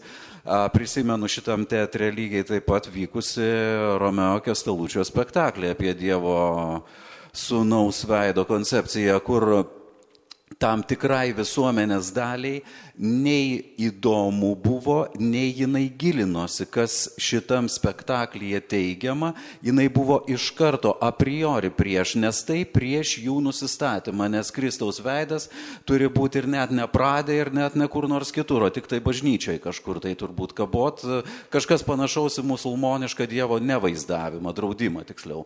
Tai e, tam tikrai visuomenės daliai tai yra ir Kastelučis šiuo atveju irgi žaidžia lygiai tuo pačiu šokiravimo principu. Nereikia galvoti, kad jisai nemanė, kad nešokiruos tuo. Jisai specialiai šokiravo vėlgi. Tai buvo tam tikra transgresija. Specialiai padaryta vardą ir tos transgresijos ir daromos menininkų. Menininkų aš tiesiog priminsiu, kad iš istorijos krūvos menininkų darė transgresijas visuomeniai nepasiruošus, pradedant nuo Malevičiaus ar nuo impresionistų nepriklausomųjų salono. Tam, kad taptume arba tolerantiškesni, arba bent jau pamatytume tą kitą pusę kažkiek tai. Tai Tai manau yra nuo mūsų priklauso labai viskas, kiek mes iš vienos pusės atsiveriam, arba šiuo atveju, kai mes kalbam, kiek mes pasakom, kad šita riba jau yra per daug. Ar yra kvaila ar nekvaila išimti vanagaitės knygas iš uh, knygynų, kurios yra vertingos ir labai svarbios, sakykime, kaip mūsiškiai. Tai vėlgi, mano nuomonė, buvo peržengtos pakankamai idiotiškai. Tam tikras dalykas, kuris buvo visiškai nepaskaičiuotas, bet uh, iš kitos pusės e, čia buvo pasakyta maždaug mes prieš maždaug mytų irgi. Mačiau ten klausimas yra. Aš gal neklausimą, aš tokią repliką daugiau. Visų pirma, mes šnekam daugiausiai apie tendenciją, kad tai yra vyras kuriejas. Ir kad tai yra jau pats savaime ateina iš privilegijuotos e, pozicijos, ypatingai beveik visuose kultūrose, aš sakyčiau, patriarchalinėse, kad tai yra išnaudojimas dažniausiai moterų arba, tarkim, tarkim Kevino Speiso atveju, tai yra jaunesnių vyrų, ar ne, ir ten kas vyko Londono teatre. Tai čia visų pirma yra ta, kad tai ateina iš galios pozicijos. Tai mes turim tą pripažinti. Mes nekalbam šiandien apie moteris kuriejas, kurios išnaudoja e, kažkokius, nežinau, bent jau aš negirdėjau tų pavyzdžių. Gal jų yra. O kitas dalykas yra tas, kad aš kaip žiūrovas noriu, būt, noriu žinot, ką aš remiu. Galbūt aš nenoriu remti prievartautoją, kuris, sakykime, bent jau sužinot, ką aš žiūriu ir, ir kaip galbūt tai ta, ta kūryba įtakojo e, kitus žmonės, aktorius, nežinau, aplinkinius. Ir mano tada teisė yra pasirinkti, ar aš remiu, ar aš moku pinigus už tą darbą, e, eidama į kino teatrą, į teatrą ar dar kažkur, klausydamasi muzikos. Tai yra mano kaip nežinau, vartotojo galbūt teisę pasirinkti, ar ne? Ir dar vienas dalykas, kad jeigu nekalbant apie praeities, kur mirusius kuriejus, kur mes jau nebepakeisim, bet prevencija ateities, žinutės siūsti ten, tarkim, ateities režisieriam, produceriam, tokiem kaip Harvey Weinstein, e, iš kurio buvo atimti Oskarai, išmestas iš akademijos gildos, tai yra labai sakykime, tokie svarbus momentai, kurie, um, nežinau, įvert kitiem kuriem ar kitiem žmonėm pasiunčia tokią žinutę, kad tai yra nėra priimtina ir kad jie bus, jų tie visi titulai bus nuimti. Galbūt ten tuos filmus ir žiūrės žmonės ateityje, bet jie kaip žmonės bus iš jų titulai tokie nukarūnuoti. Ir tada jau kiti pasirenka, ar jie nori žiūrėti, ar jie mokės pinigus, ar jie rems tuos kuriejus, kurie dirba tokiais būdais. Mhm, ačiū. Gal dar kas nors nori pasidalinti kažkuo ar paklausti? Mes jau į pabaigą einam. Mhm. Mhm. Tai Galbūt aš galėčiau pantrinti tiesiog. Tu atsakysi, aušra, ir tada jums. A, tai aš tikrai norėčiau pritarti tam, ką pasakė Viktorija. Nes e, visų pirma, mes kalbam apie tokį labai mikro lygmenį, bet makro lygmenių tai yra klausimas ne tik apie kūrinį ir kurėją, bet apie kūrinį ir vyriškos lyties kurėją, kas jau savaime nurodo mums tą patriarchalinį diskursą. Ir vėlgi, su kuo mes susidurėm, kas yra normalu, kas nenormalu, kas buvo nuskambėję irgi šio vakaro kalbėjime. Tai iš tikrųjų taip, mes gyvename dabar tokioje visuomenėje, kur normaliais dalykais yra laikomos seksistinės praktikos. Ir man labai įdomu buvo, čia irgi trumpai paskaitysiu, atsinešiau um, žodžius, kuriais reagavo Oskaras Koršunovas savo Facebooko paskyroje reaguodamas į Šarūno Barto skandalą. Tai čia bus citata. Jeigu rimtai, man į Lietuvą baisu grįžti Lietuvoje blogiau nei blogiausiame pragare. Normalių žmonės užpuolė teisuolį ir pjauna juos kaip pavis. Tai iš tikrųjų man labai patinka šitas sakymas, nes vėlgi kaip prancūzų mąstytojas Mišelis Foucault, kalbėdamas savo a, diskurso teorijoje, teigia, kad yra labai svarbu ir diskursą formuoja ne tik tais pasakymai, bet ir nepasakymai. Tai va šitoje ištaroje aš iš esmės atrandu tokį e, esminį raktą į mūsų dabartinę situaciją, ar ne visuomenės. Tai jis toliau nesiplėtoja į tai, kas yra tie normalūs žmonės, bet tie normalūs žmonės, man atrodo, atrakina šitą situaciją, nes tarsi nebereikia net aiškinti, kas yra normalūs žmonės, normalų žmonės, jau visiems turi būti aišku, kad yra tie normalų žmonės, kurie gyvena pagal seksistinės praktikas, kuriems smurtavimas, priekabiavimas ir panašiai netrodo vertas išviešinimo ir tie žmonės normalūs, kurie nori prieš tai užsimerkti, to nematyti, jokių būdų apie tai nekalbėti.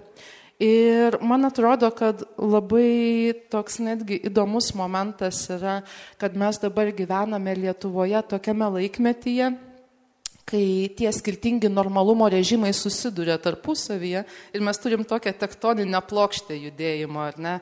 Tai dėl to, dėl ko kyla va šitie pasidalinimai socialiniuose tinkluose Lietuvoje? Dėl to, kad jau pribrendo, atsirado tam tikra visuomenės dalis, kuriai tai nėra normalu. Ta prasme, tai yra skirtingas normalumo režimas.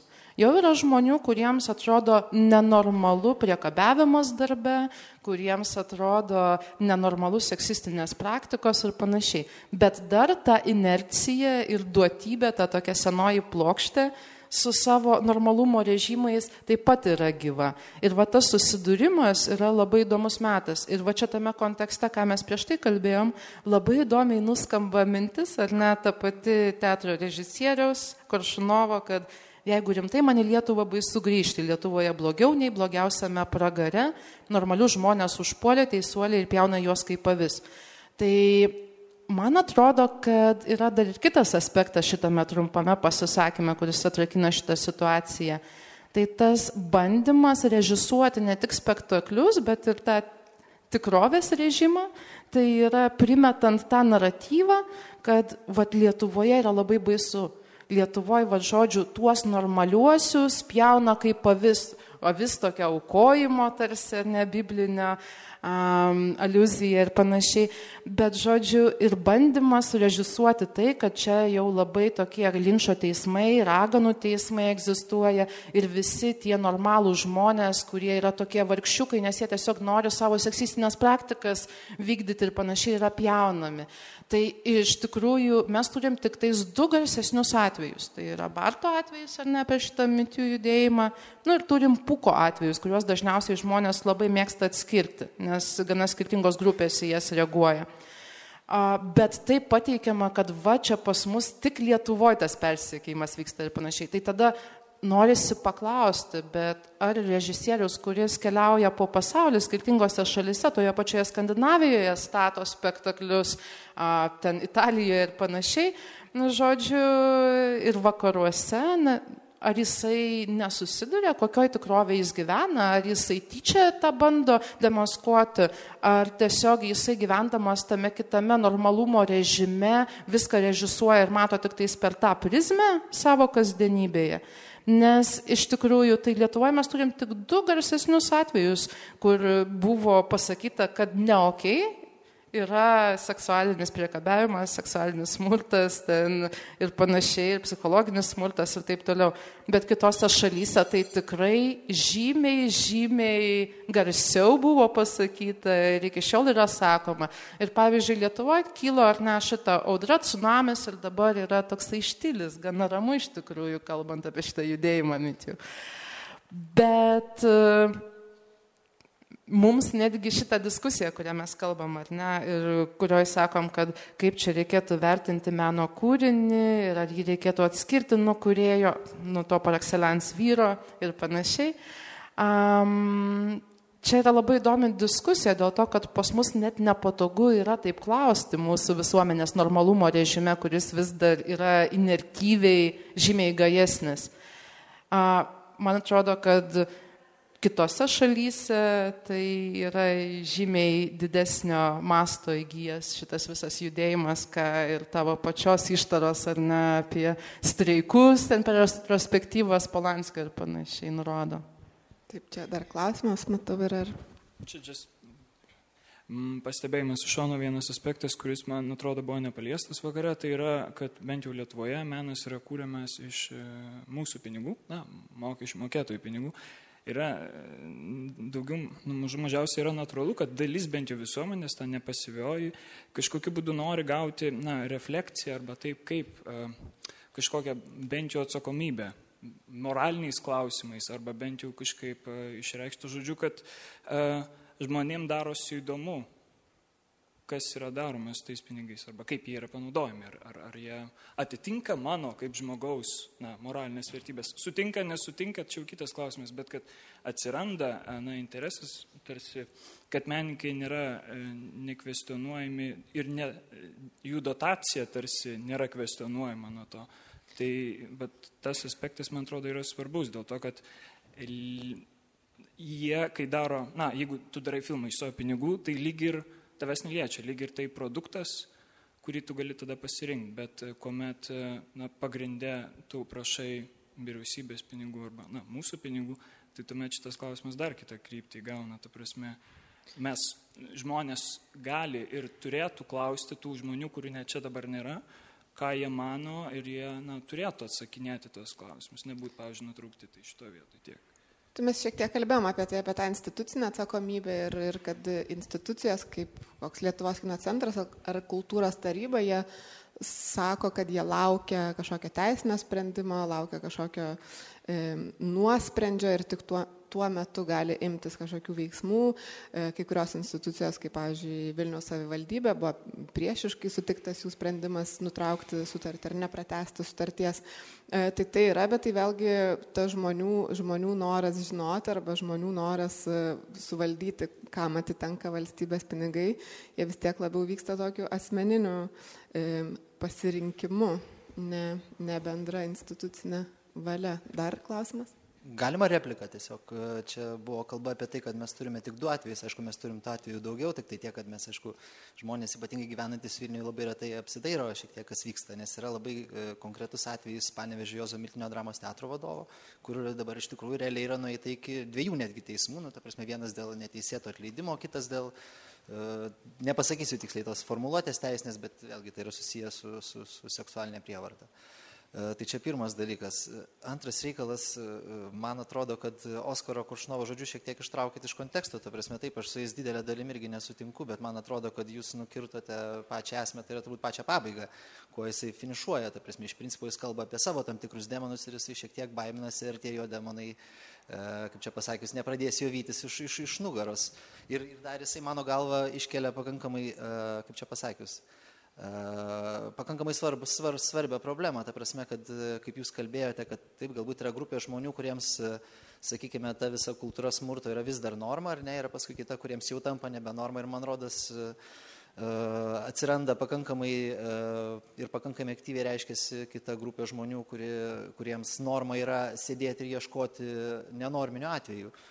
Ir tas, tą mes pakankamai akivaizdžiai matome, tarp, ta prasme, toj pačioj Rusijai, tai yra išvešėjęs dalykas, kur žmonės, tokie va teisuolė, tiesiog kovoja gatvėje su ko nori, ta prasme, su neteisingai statomais automobiliais, su kokiais pankrokuojančiais ten jaunoliais, kurie geria kur nors, kur nors parke ir taip toliau, taip toliau, iš to atsiranda naujos e, tam tikros smurtinės situacijos. E, galiausia vienas ir labai konkretus pavyzdys, ta prasme, vėlgi čia visam šitam vajui, ta prasme, šitų vat atvejų, kurie nu, nu, nutiko Lietuvoje, ta prasme, buvo, buvo pakankamai irgi e, skambiai per Facebooką nuėjusi žinia apie viename populiariausių Vilniaus barų senamišio įvykusi atvejį e, irgi tam tikros seksualinės prievartos. Tai aš galiu jums pasakyti ir aišku atsirado žmogus, kuris tą išviešino, jis ant balto žirgo prajojo, pakankamai žinomas žmogus, manau, daugelį iš mūsų pažįstamas. E, ir galiu jums jums papasakoti, kad praeitą savaitę sėdėjo ta auka ir tas būdelis prie vieno saliuko tam pačiam bare. E, Deja, tas žmogus, kuris prajojo ant to žirgo ir kuris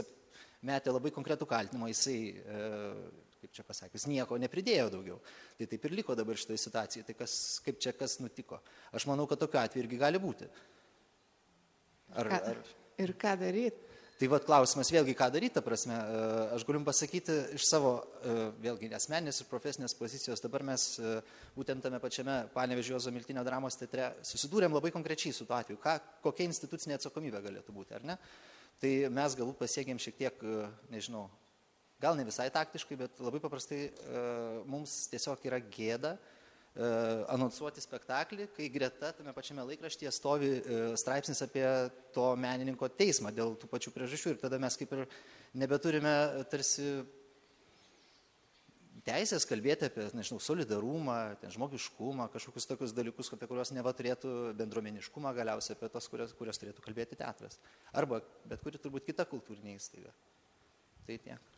Taip, tai istorijų yra iš tikrųjų daug ir paminėjome šiandien ir panevežį ir daug, daug kitų istorijų, kurios vis dar yra e, kažkur e, po viešumo e, paviršium, tarptų apie tos ratilus, kurias kalbėjom, jie vis dar yra tos povandeninės rovės, povandeninės istorijos, jų yra, bet žmonės nekalba, bijo kalbėti dėl visuomenės reakcijų, visuomeniai niekas nesikeis, jeigu niekas nekalbės. Ir vėl atsiduriam toje pačioje vietoje ir tam pačiam taške. Ir e, pabaigai norėčiau visų paklausti, e, kokią jūs perspektyvą matot ir kaip jūs manot, kad mums visiems, kiekvienam asmeniškai, nes labai lengva kalbėti apie visuomenę, labai lengva kalbėti apie bendrą atsakomybę kažkokią mūsų visų kaip masės pilkos, bet ką mes asmeniškai kiekvienas iš mūsų turėtumėm daryti, kaip elgtis, kaip reaguoti ir kaip keisti esamą situaciją, kad ateityje ir nebūtų tokių, tokių atsitikimų ir jeigu jie atsitiktų, kaip mes su jais turėtume susitvarkyti ir įsispręsti. pametė, pametė mikrofoną, čia pas jūs yra vienas aš ten. Aš tai kažkaip galvoju, kad e, gal, nu, e, man atrodo, kad e, gerai būtų visiems pasimokyti šito impulsyviai, kažkaip numesti impulsyvumą ir labai atidžiai žiūrėti. Jeigu mes jau į, į, į, į kažkokią tai iškilusią problemą arba klausimą norim, norim susiformuluoti išvalgą ar nuomonę, tai Mm, leiskim savo, duokim savo laiko suprasti, nes man atrodo, kiekvienas atvejis yra žiauriai individualus.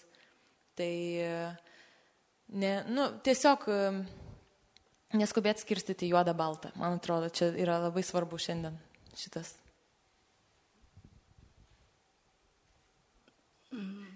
Aš tai pasakyčiau, nu, man kaip nebuvo aišku, taip ir nėra aišku. Aš labai norėčiau atskirti, va taip gražiai, ir tikrai jūs labai gražiai kalbėjote ir apibendrinot, kad čia yra menininkas, o čia kuriejas, o čia kūrinys ir atskirkime, aš norėčiau ramiai įtikinai ir nežinot, ką jis ten ką išprivartavo ar ne. Bet kažkaip neišeina atidėti savo vertybių į šalį Ir kai pagalvoji, kad toj vietoj galėtų būti tavo dukra arba artimo žmogus, arba šiaip vat, mergina, kuriai dabar 13, ar bet, bet koks kitas žmogus, kažkaip tai, kai liečia tave asmeniškai, kai tu priemi tai asmeniškai, nu tada, tada nėra taip paprasta, tai man atrodo, taip labai svarbu įsiklausyti tą savo balsą, į tas savo asmeninės vertybės. Ir jeigu man svarbu, kieno rankomis padaryta ta kava, tai nu, aš jau pagal savo išgalės ir reaguoju ir renkuosi. Tai man atrodo, tai svarbu tą daryti. Man atrodo, kad yra apskritai labai svarbu mm, kvestionuoti savo kasdienės praktikas, nes tarkim, aš pati ar ne, reaguodama į kažkokį bartą, manau, irgi pirmiausia ne tik į bartą reaguoju, bet ir į savo kažkokias patirtis, patirtis, kurias matau aplinkui save. Ir man atrodo, kad kiekvienam iš mūsų būtų sveika tiesiog padaryti tokį eksperimentą, kad tiesiog žiūrėti į tas patirtis, į aplinkui esančių žmonių bendravimo kažkokias praktikas ir panašiai pasižiūrėti per tą tokį prizmą ir pasižiūrėti, kiek tame yra potencialiai seksistinio pobūdžio psichologinio smurto, o galbūt netgi tame gali būti potencialas ir kažkokiam rimtesniam smurtui.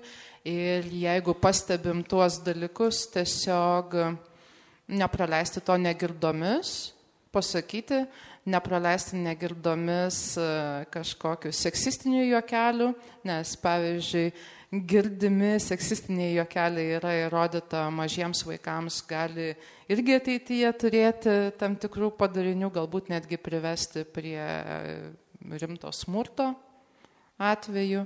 Ir, o kitas dalykas, tai yra vertinant kūrinius, man atrodo, yra labai svarbu vėlgi savęs nebandyti kažkaip pastatyti taip, kad mes štai teisiname ar ne kurėją, taip mes galime žiūrėti jo kūrinius, bet neužsimerkti prieš tą negatyvę informaciją, kurią galbūt apie tai sužinojome, O kitas dalykas tiesiog, man atrodo, kad labai sveika būtų tą patriarchalinį ir daugeliu atžvilgių seksistinį diskursą pabandyti perkonstruoti, nes vėlgi, jeigu mes gyvename patriarchalinėje visuomenėje, kur egzistuoja tam tikras vyro kurėjo, nebaudžiamo vyro kurėjo mitas ir kur nėra tam tikros pusiausvaros ir vyrai vis dėlto e, yra galios pozicijoje, nekvestionuojamai, tai anksčiau ar vėliau tai gali gauti smurtinį potencialą. Tai tiesiog norėčiau palinkėti mums būti atviresniems ir ne tokiems linkusiems į inerciją. Ačiū.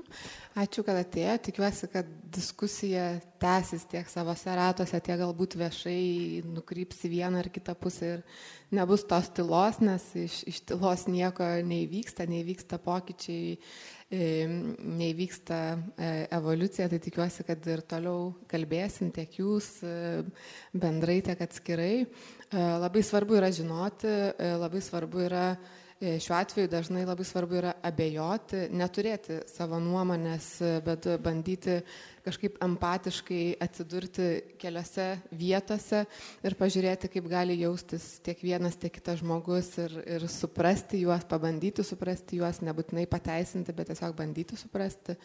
Um, tai tas žinojimas, bandymas, abejojimas, ieškojimas uh, gali padėti atrasti kažką ir kažką suprasti, nes kol kas panašu, kad suprasti yra E, sunkoka, bet e, galbūt po truputį. Tai ačiū, kad atėjot.